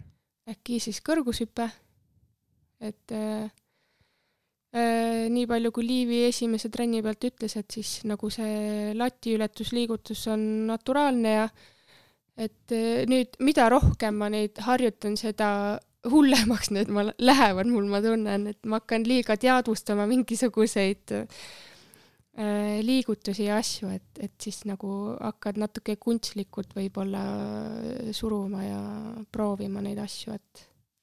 kui kaugel Oda praegu lendab, seda me sees ei näinud, kuigi võib-olla need meetrid poleks ka nii hullud olnud, et oleks saanud võib-olla seal kuulitõukesektoris ära teha, aga. ei, Oda, Odas on mul ka need ristsammud nii keerulised, aju läheb täiesti errorisse, ma ei suuda nagu neid riste samme joosta, vaid ma hakkan nagu galoppe seal tegema ja see, eks Liivi sai suht palju naerda seal ja, ja eks ma olen päris palju haiget ka saanud, et. see on otseses mõttes haiget saanud? jaa, no küünarnukki ja noh, tead siin mingisugused klassikalised kohad, mis heitjatel haigeks jäävad, on ju. et äh, ma ei mäletagi, mis mu see parim äh, tulemus oli kas kakskümmend kuus meetrit mm. et, et jah, odav ise oli ju nagu selles osas keeruline, et, et kuidas ma, kuidas ma üldse või mis on parim asend minu jaoks, et hoida oda käes, et see klassikaline, nii nagu hoitakse. pöial ühel pool ja sõrmed teisel pool. jah, et, et see nagu mingi hetk toimis ja siis enam ei toiminud, et hakkas tagumine ots maanduma enne maha, et siis ma võtsin nagu kahe näpu vahele ja siis, ja siis nagu lendas. et aga see, see oli jälle selles mõttes ebamugav, et ta hakkas hõõruma nagu kahe näpu vahelt ära, onju. et eh, eks me nüüd kevadel siin jälle proovime ja vaatame ja eks ole näha, mis, mis välja tuleb. mis eesmärk on seitsmevõistlus? viis tuhat kaheksasada esimesel suvel või? ega mina neid eesmärke ei pane, mul on lihtsalt hea meel, kui ma saan otsast lõpuni ära tehtud kaheksasaja meetri jooksuks eraldi ka mingit trenni teed vastupidavuse osas? Sügisel ma tegin fartleki treeninguid kord nädalas, aga, aga eks ma ei teagi, mis me nüüd siin kevadel plaani võtame. Mm. Okei okay,, ühesõnaga väga huvitav selline kõrvalepõige, kas sa usud, et see mitmevõistluse ütleme aladega tegelemine siin sügis-talvel on tegelikult siis mõjunud hästi ka sellele sprindile? kindlasti, see on öö, füüsiliselt öö, mind teinud nagu mitmekülgsemaks öö, selle poolest, et et äh, ikkagi kuulis odas kõrguses ma pean täitsa teistmoodi füüsilist enda keha tunnetama ja, ja veel niimoodi, kuidas ma ei ole pidanud siin kümme aastat nagu tunnetama, et kunagi noorena ma olen neid äh, seal kuuli ja kõrgust teinud. et, et sai nagu mingisugused äh, kehaosad siis teistmoodi liikuma panna ja selles osas kindlasti ma arvan, et see on tulnud ka tõkkejooksus ja puhtas sprindis kasuks mul on erinevate Eesti sportlastega kujunenud välja stampküsimused, mida ma iga kord, kui ma nendega intervjuud teen, ikka küsin. sinu puhul, sa tead, mis see küsimus on? ei tea mis on su põhiala hetkel? ma, ma tean, ma olen seda kindlasti mitu korda varem küsinud ja täna ah, jälle, täna jälle ma olen sellesama küsimuse ees vaates, sa oled nüüd mitmevõistlust teinud, sa oled kuuskümmend meetrit väga kiiresti jooksnud, ometi me oleme sind pidanud ikkagi praegu pigem tõkkejooksjat, kaugust oled samuti hästi hüpanud. mis sa ise ütled täna? mina ikka ütlen ka, et ma olen tõkkejooksja aga jah, ma olen siin näinud, et kuidagi ka ajakirjanikel võib-olla on olnud keeruline nagu mingisugust siis ala mulle nime taha panna, on ju, et olen olnud tippsprinter ja sprinter ja tõkkesprinter, tõkkejooksja, aga ikkagi jah, mina südamest alati tunnen, et ma olen tõkkejooksja mm minule pani üks sõber, kes tegi võrkpallis äh, teleülekannet, siis režiina, pani nime alla staarkommentaatoriks pärast seda ma riidlesin temaga pikka aega, ütlesin, et selliseid sisehalbu nalju ei saa panna ülekandesse, sul nii hullust ei ole läinud. aga läheme edasi ja küsimus, milleni ma tahaksin nüüd jõuda, on tegelikult siin vahel hoopis psühholoogia eriala. ma usun, et me peame sellest rääkima just treeningute all, sest see on otseselt seotud ju sportlase, ütleme, treeningute, võistluste, kõige sellega. sa oled äh, lõpetamas õpinguid Tallinna Ülikoolis, sul on lõputöö jäänud psühholoogia erialal veel teha. millest lõputöö räägib? Äh, täpset äh, pealkirja ei ole veel paika pannud, aga tegelikult ma juba vaikselt siin äh, nokitsen ja kirjutan. aga juhendajaks on mul siis äh, tuntud spordipsühholoog Snežana Stoljarova ja, ja tema siis pakkus mulle välja uurida e sportlaste vaimse tervise ja säilenõtkuse kohta ja seda ma siis uurikski Eesti kergejõustiklaste näitel et eh, võib-olla toon sisse võrdluseks ka jalgpallurid, kuna nemad on siis grupispordi harrastajad ja kergejõustiklased on individuaalsportlased, et mis eh, vahe siis neil seal on vaimse tervise ja säilenõtkuse osas. mida sa tänaseks oled juba nii-öelda avastanud või järeldusi teinud? saame me juba mingeid järeldusi siin teha või? Äh, no praegu, mis mul siin meelde tuleb, et mis noh, nii palju, kui ma teooriat olen lugenud, et ikkagi mida parem äh, säilenõtkus äh, sportlasel on, seda kaugemale tippu ta jõuab. kas sa saad natukene defineerida seda mõistet? no põhimõtteliselt säilenõtkus on siis see, et kuidas äh, sportlane mingisuguses olukorras toime tuleb, et a la ütleme, et ma jooksingi kaheksa nelikümmend tõkkeid, et kuidas ma sellest nagu välja tulen, kuidas ma selle vastu enda jaoks võtan, et kas ma jään sellesse kinni, jään põdema, mõtlema, miks ma nii halb olen või siis ma mõtlen, ah, pole hullu, teine võistlus jooksen paremini. Äh, noh, põhimõtteliselt kergelt seletatuna niimoodi. kas see valik minna psühholoogiat õppima tuli kuidagi iseenesest kergelt, oli see sind alati paelunud või tuli see mingit teist rada pidi?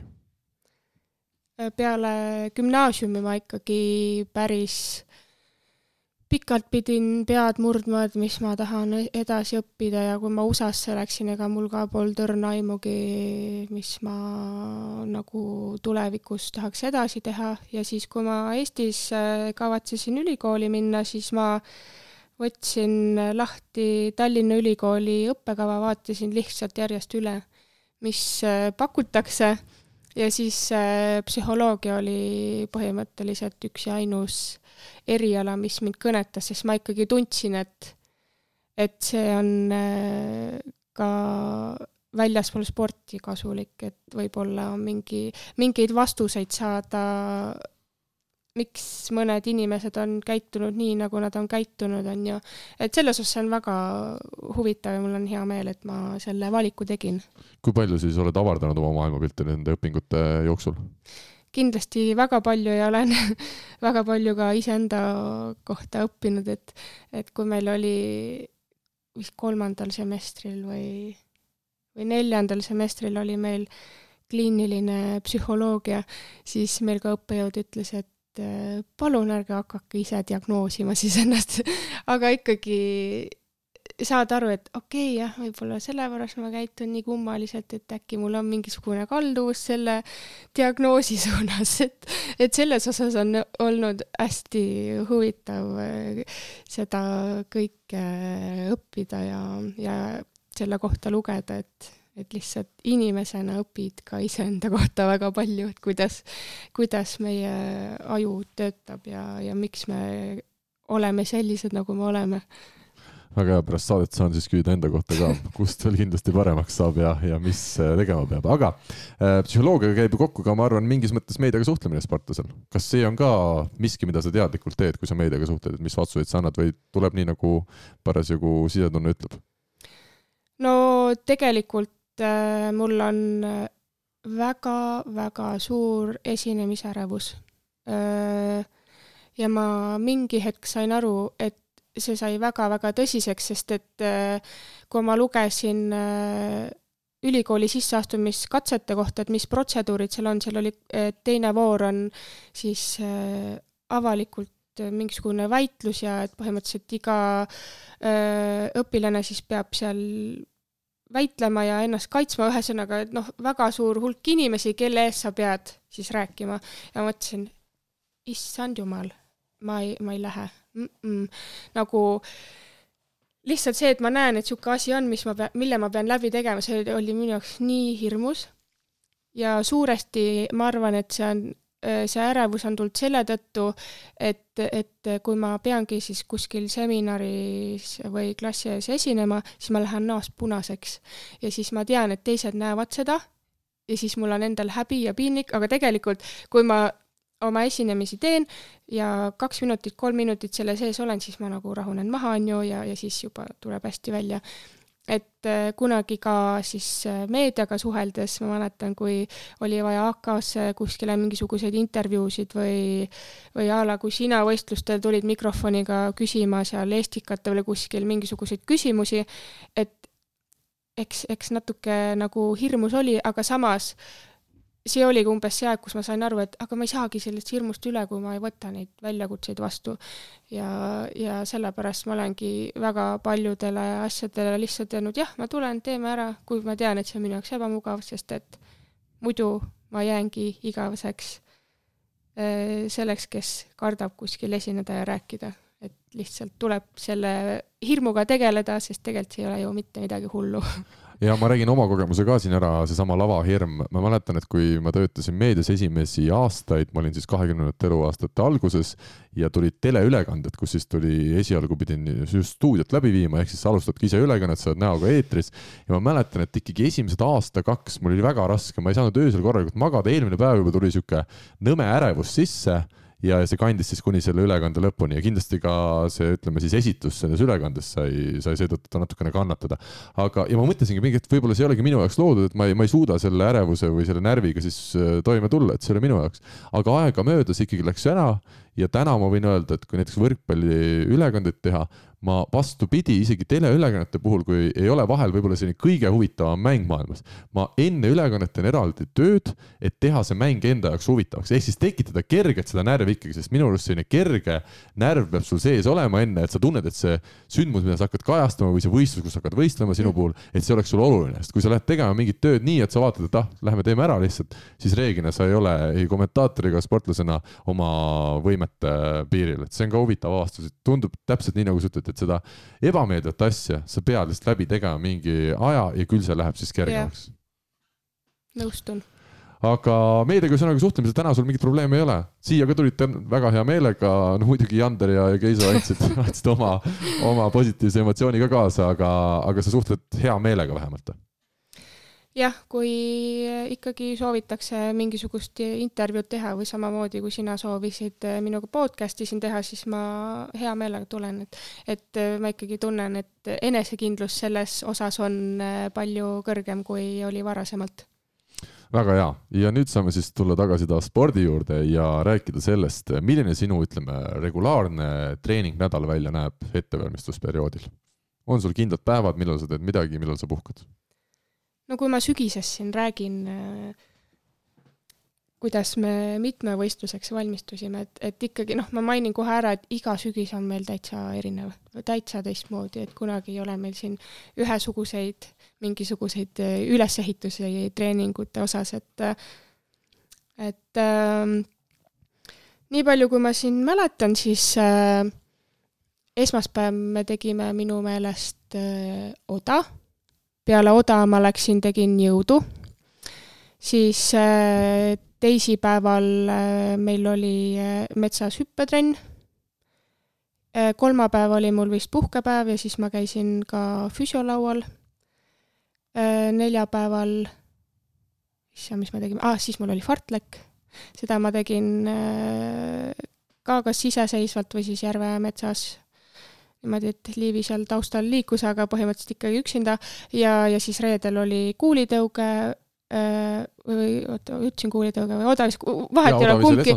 jah, siis mm. kuulitõuge reedel ja, ja siis jälle jõud otsa ja neljapäeval oli meil äh, liiva sees äh, hüpped, mäkkejooksud ja siis pärast toredad mängud et selline teistmoodi sügis, kui oli eelmisel aastal. Fartlek, võib-olla mõni kuulaja ei ole nii kursis, see on siis selline, ütleme, tempokas jooks erinevast, erinevate kiirendustega, võib nii öelda?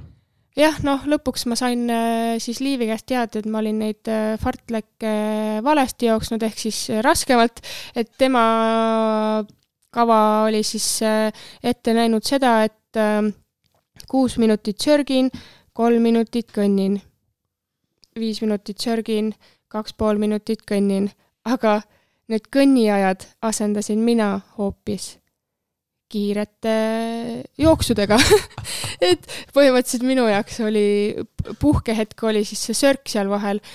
et äh, ma mõtlesingi, issand, nii raske, et nagu mis asja ja ega ma ei küsinud ka Liivi käest, ma ütlesin, okei okay,, nii ongi. ja siis ma vist kolm nädalat niimoodi tegin ja siis äh, ma ütlesin Liivile ja, ja et mul siin pulsikell esimest korda elus ka ütles, et ülekoormus, et puhka. Et sellist asja ei ole kunagi öeldud, siis ma nagu seletasin talle, mis ma tegin, siis ta oli mingi, issand, sa oled ju täitsa valesti teinud aga noh, okei okay,, kui sa juba nii tegid, siis teeme nii lõpuni. Ja siis me tegime niimoodi lõpuni, aga samas ma tundsingi, kuidas esimene fartleki trenn oli mega raske, teine oli juba kergem, kolmas oli veel kergem, et nagu iga nädal läks kergemaks ja kergemaks, et samas see oli kaval viis, kuidas mind, inimest, kellele tegelikult üldse ei meeldi niisama joosta, panna jooksma kilomeetreid mulle annab seegi jälle järjekordse sellise sisendi, et sa suvel jõuad lõpuks ka sadat meetrit joosta, olgu siis. ma loodan. ma arvan, selline asi kindlasti loob selle eelduse äh, kuidas, äh, kuidas, okei okay,, meil on räägitud äh, treeningnädal, aga tuleme natuke spetsiifilisemalt. sa oled öelnud, sulle meeldib tõkkeid joosta trennis? jah. niisama jooksmine nii ei meeldi, aga tõketega just jooksmine, see on sinule meelepärane? jah, sest et äh, ikkagi iga nädal füüsiliselt sa kuidagi tunned ennast natukene erinevalt. Äh, mõni nädal läheb ülihästi, siis mõni trenn läheb jälle nagu kehvemalt, mõtled, mis siis valesti on. aga samas siis jälle mõtled, et mis treeningnädal meil käsil on, kas just sai äsja puhkenädal läbi või on just äh, kolmas viimane raske treeningnädal käsil, et et kahjuks me Liiviga nii väga palju neid tõkkeid jooksnud ei ole. Aga, aga sellepärast ma arvan, et ma naudingi väga neid tõkketrenne, et nii palju, kui meil neid ka on, et, et alati väga-väga suure isuga ootan neid trenne siin juba varem rääkisime ka, et see tõkke ületamine natukene passiivne sinu jaoks on siiamaani tegelikult. mida sa oled trennis teinud, et seda, ütleme, tõkke ületamist just agressiivsemaks muuta, et olla tõkke peal veel selline kiirem ja võimsam? no selles osas me vist spe spetsiifiliselt ei olegi midagi teinud, aga me sel aastal siis katsetasime sellist meetodit, et äh, üle nädala me jooksime siis madalaid tõkkeid hästi väikse vahega.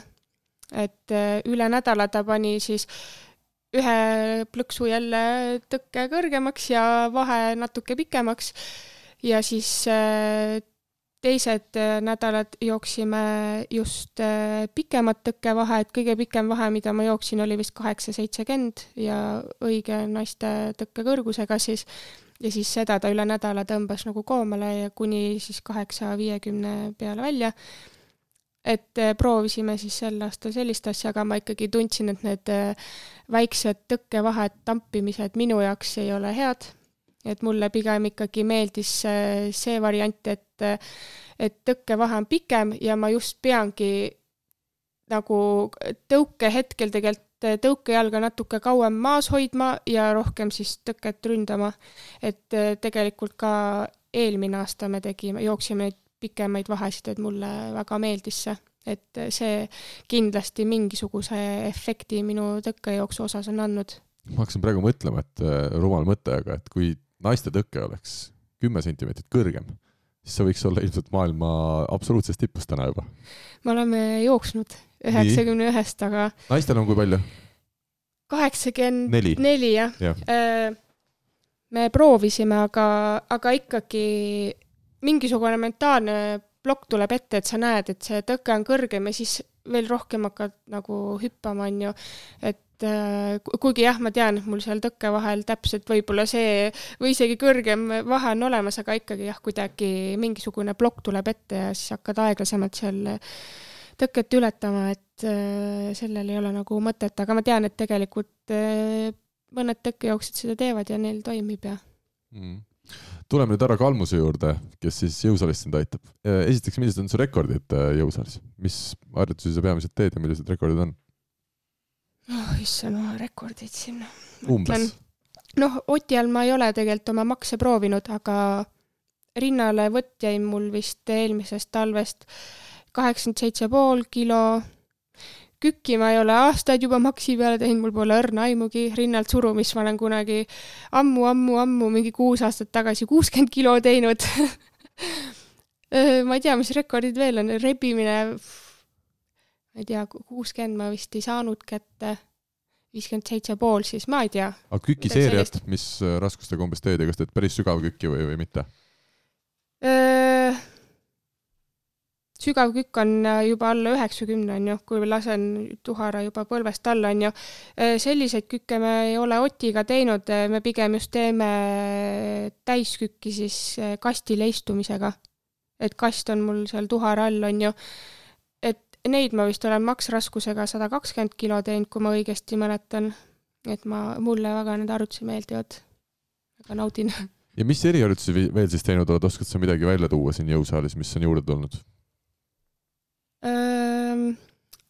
eks meil need kavad seal äh, mingi aja tagant nagu vahetuvad ja nüüd on selline rohkem äh, võistluskava meil ja äh, mis ma praegu teen näiteks ühe jalaga kastile hantliga rebimisi, siis meil on mingisugused kastile hüpped niimoodi, et kast on minust ütleme kolme meetri kaugusel koos jalgadega tõukan maast üles maandun kas paremale-vasakule ja siis hüppan kastile.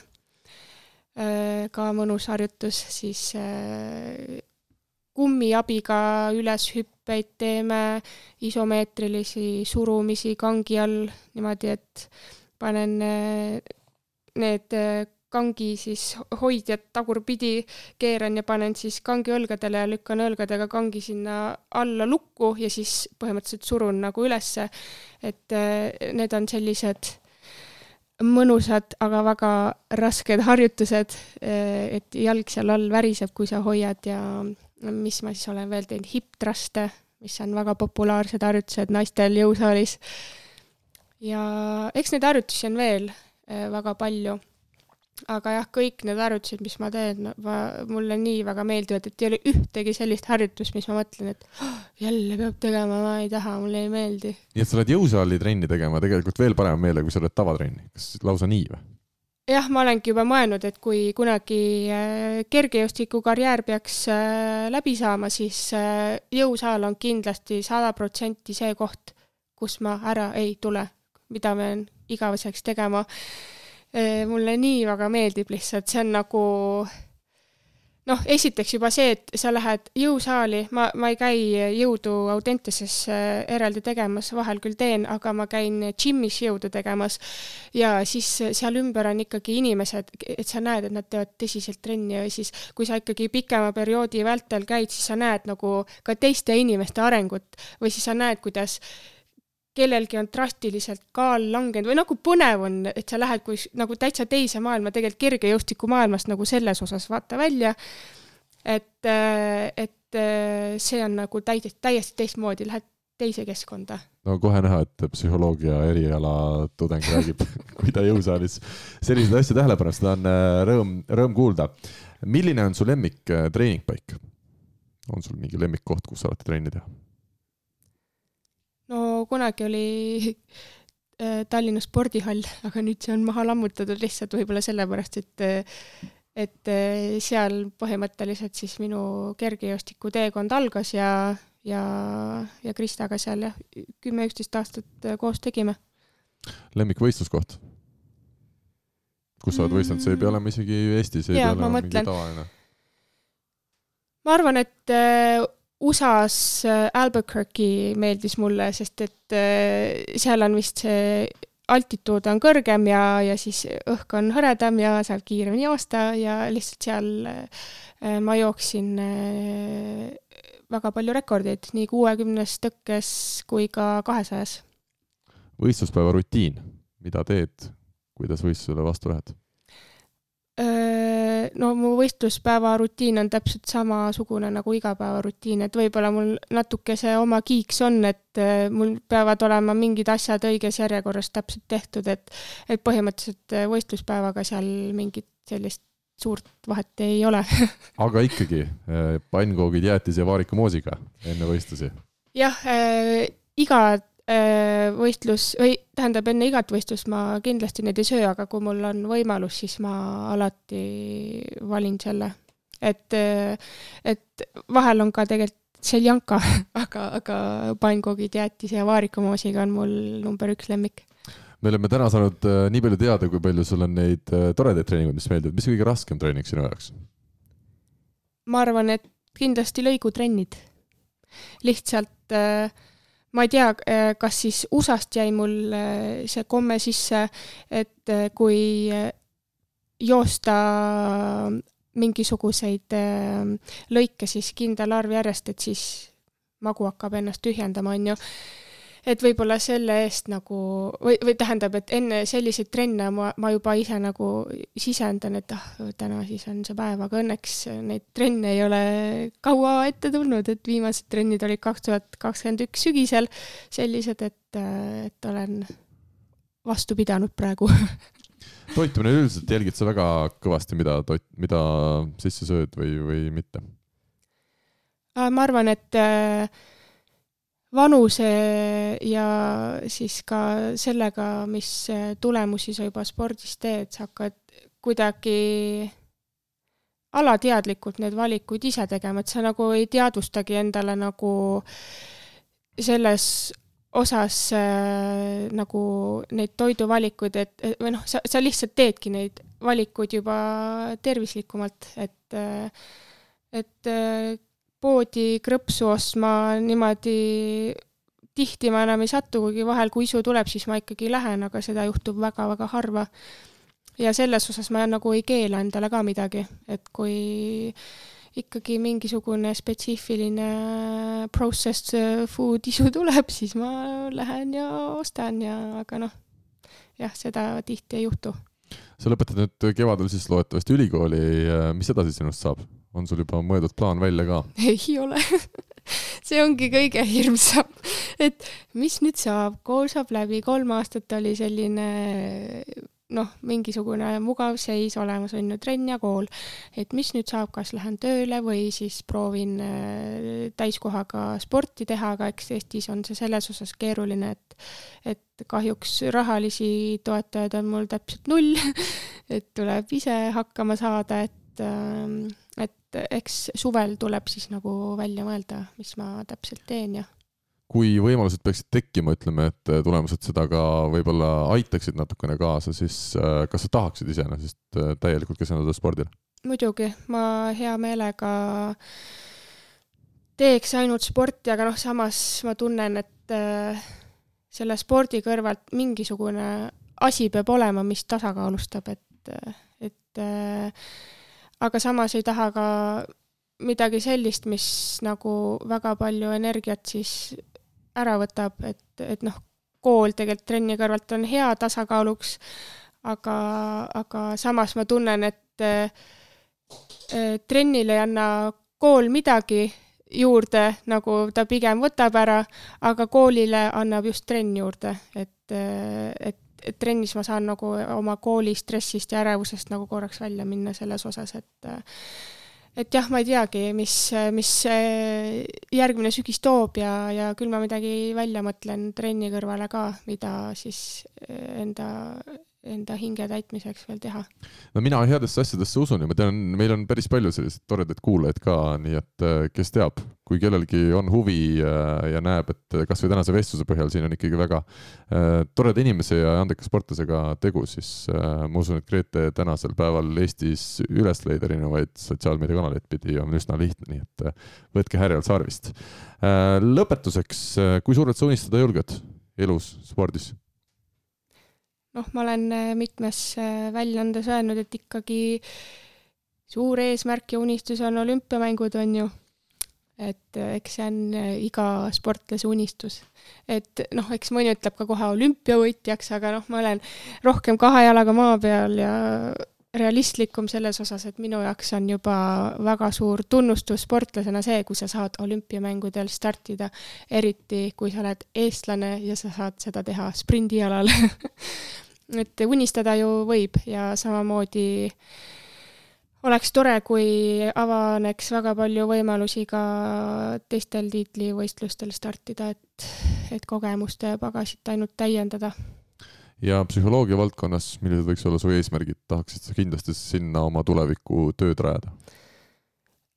Eestis on äh, see psühholoogia kutseni jõudmine päris pikk ja keerukas äh, protsess, et äh, ma ei ole veel päris kindel, äh, kas ma olen valmis seda rada läbi käima, aga seda ma võin öelda praegu, et võib-olla noh, magistrisse ma kindlasti kohe praegu edasi veel ei lähe, aga, aga võib-olla viie aasta pärast on täitsa teised seisud ja mul on võimalus seda teha ja, ja, ja siis võib-olla käin kogu selle psühholoogia teekonnaga lõpuni ja eks ole näha, et psühholoog ikkagi tegelikult õpib kogu oma karjääri vältel, et, et ega see õppimine ei saagi tegelikult läbi no ma annan siin võimaluse ka enda, puhtalt enda huvides äh, anda nüüd oma siis äh, psühholoogia eriala tudengi selline pilk tänase saate läbiviimise eest, kuidas, mida ja kuidas saaks saatejuht veel paremini teha?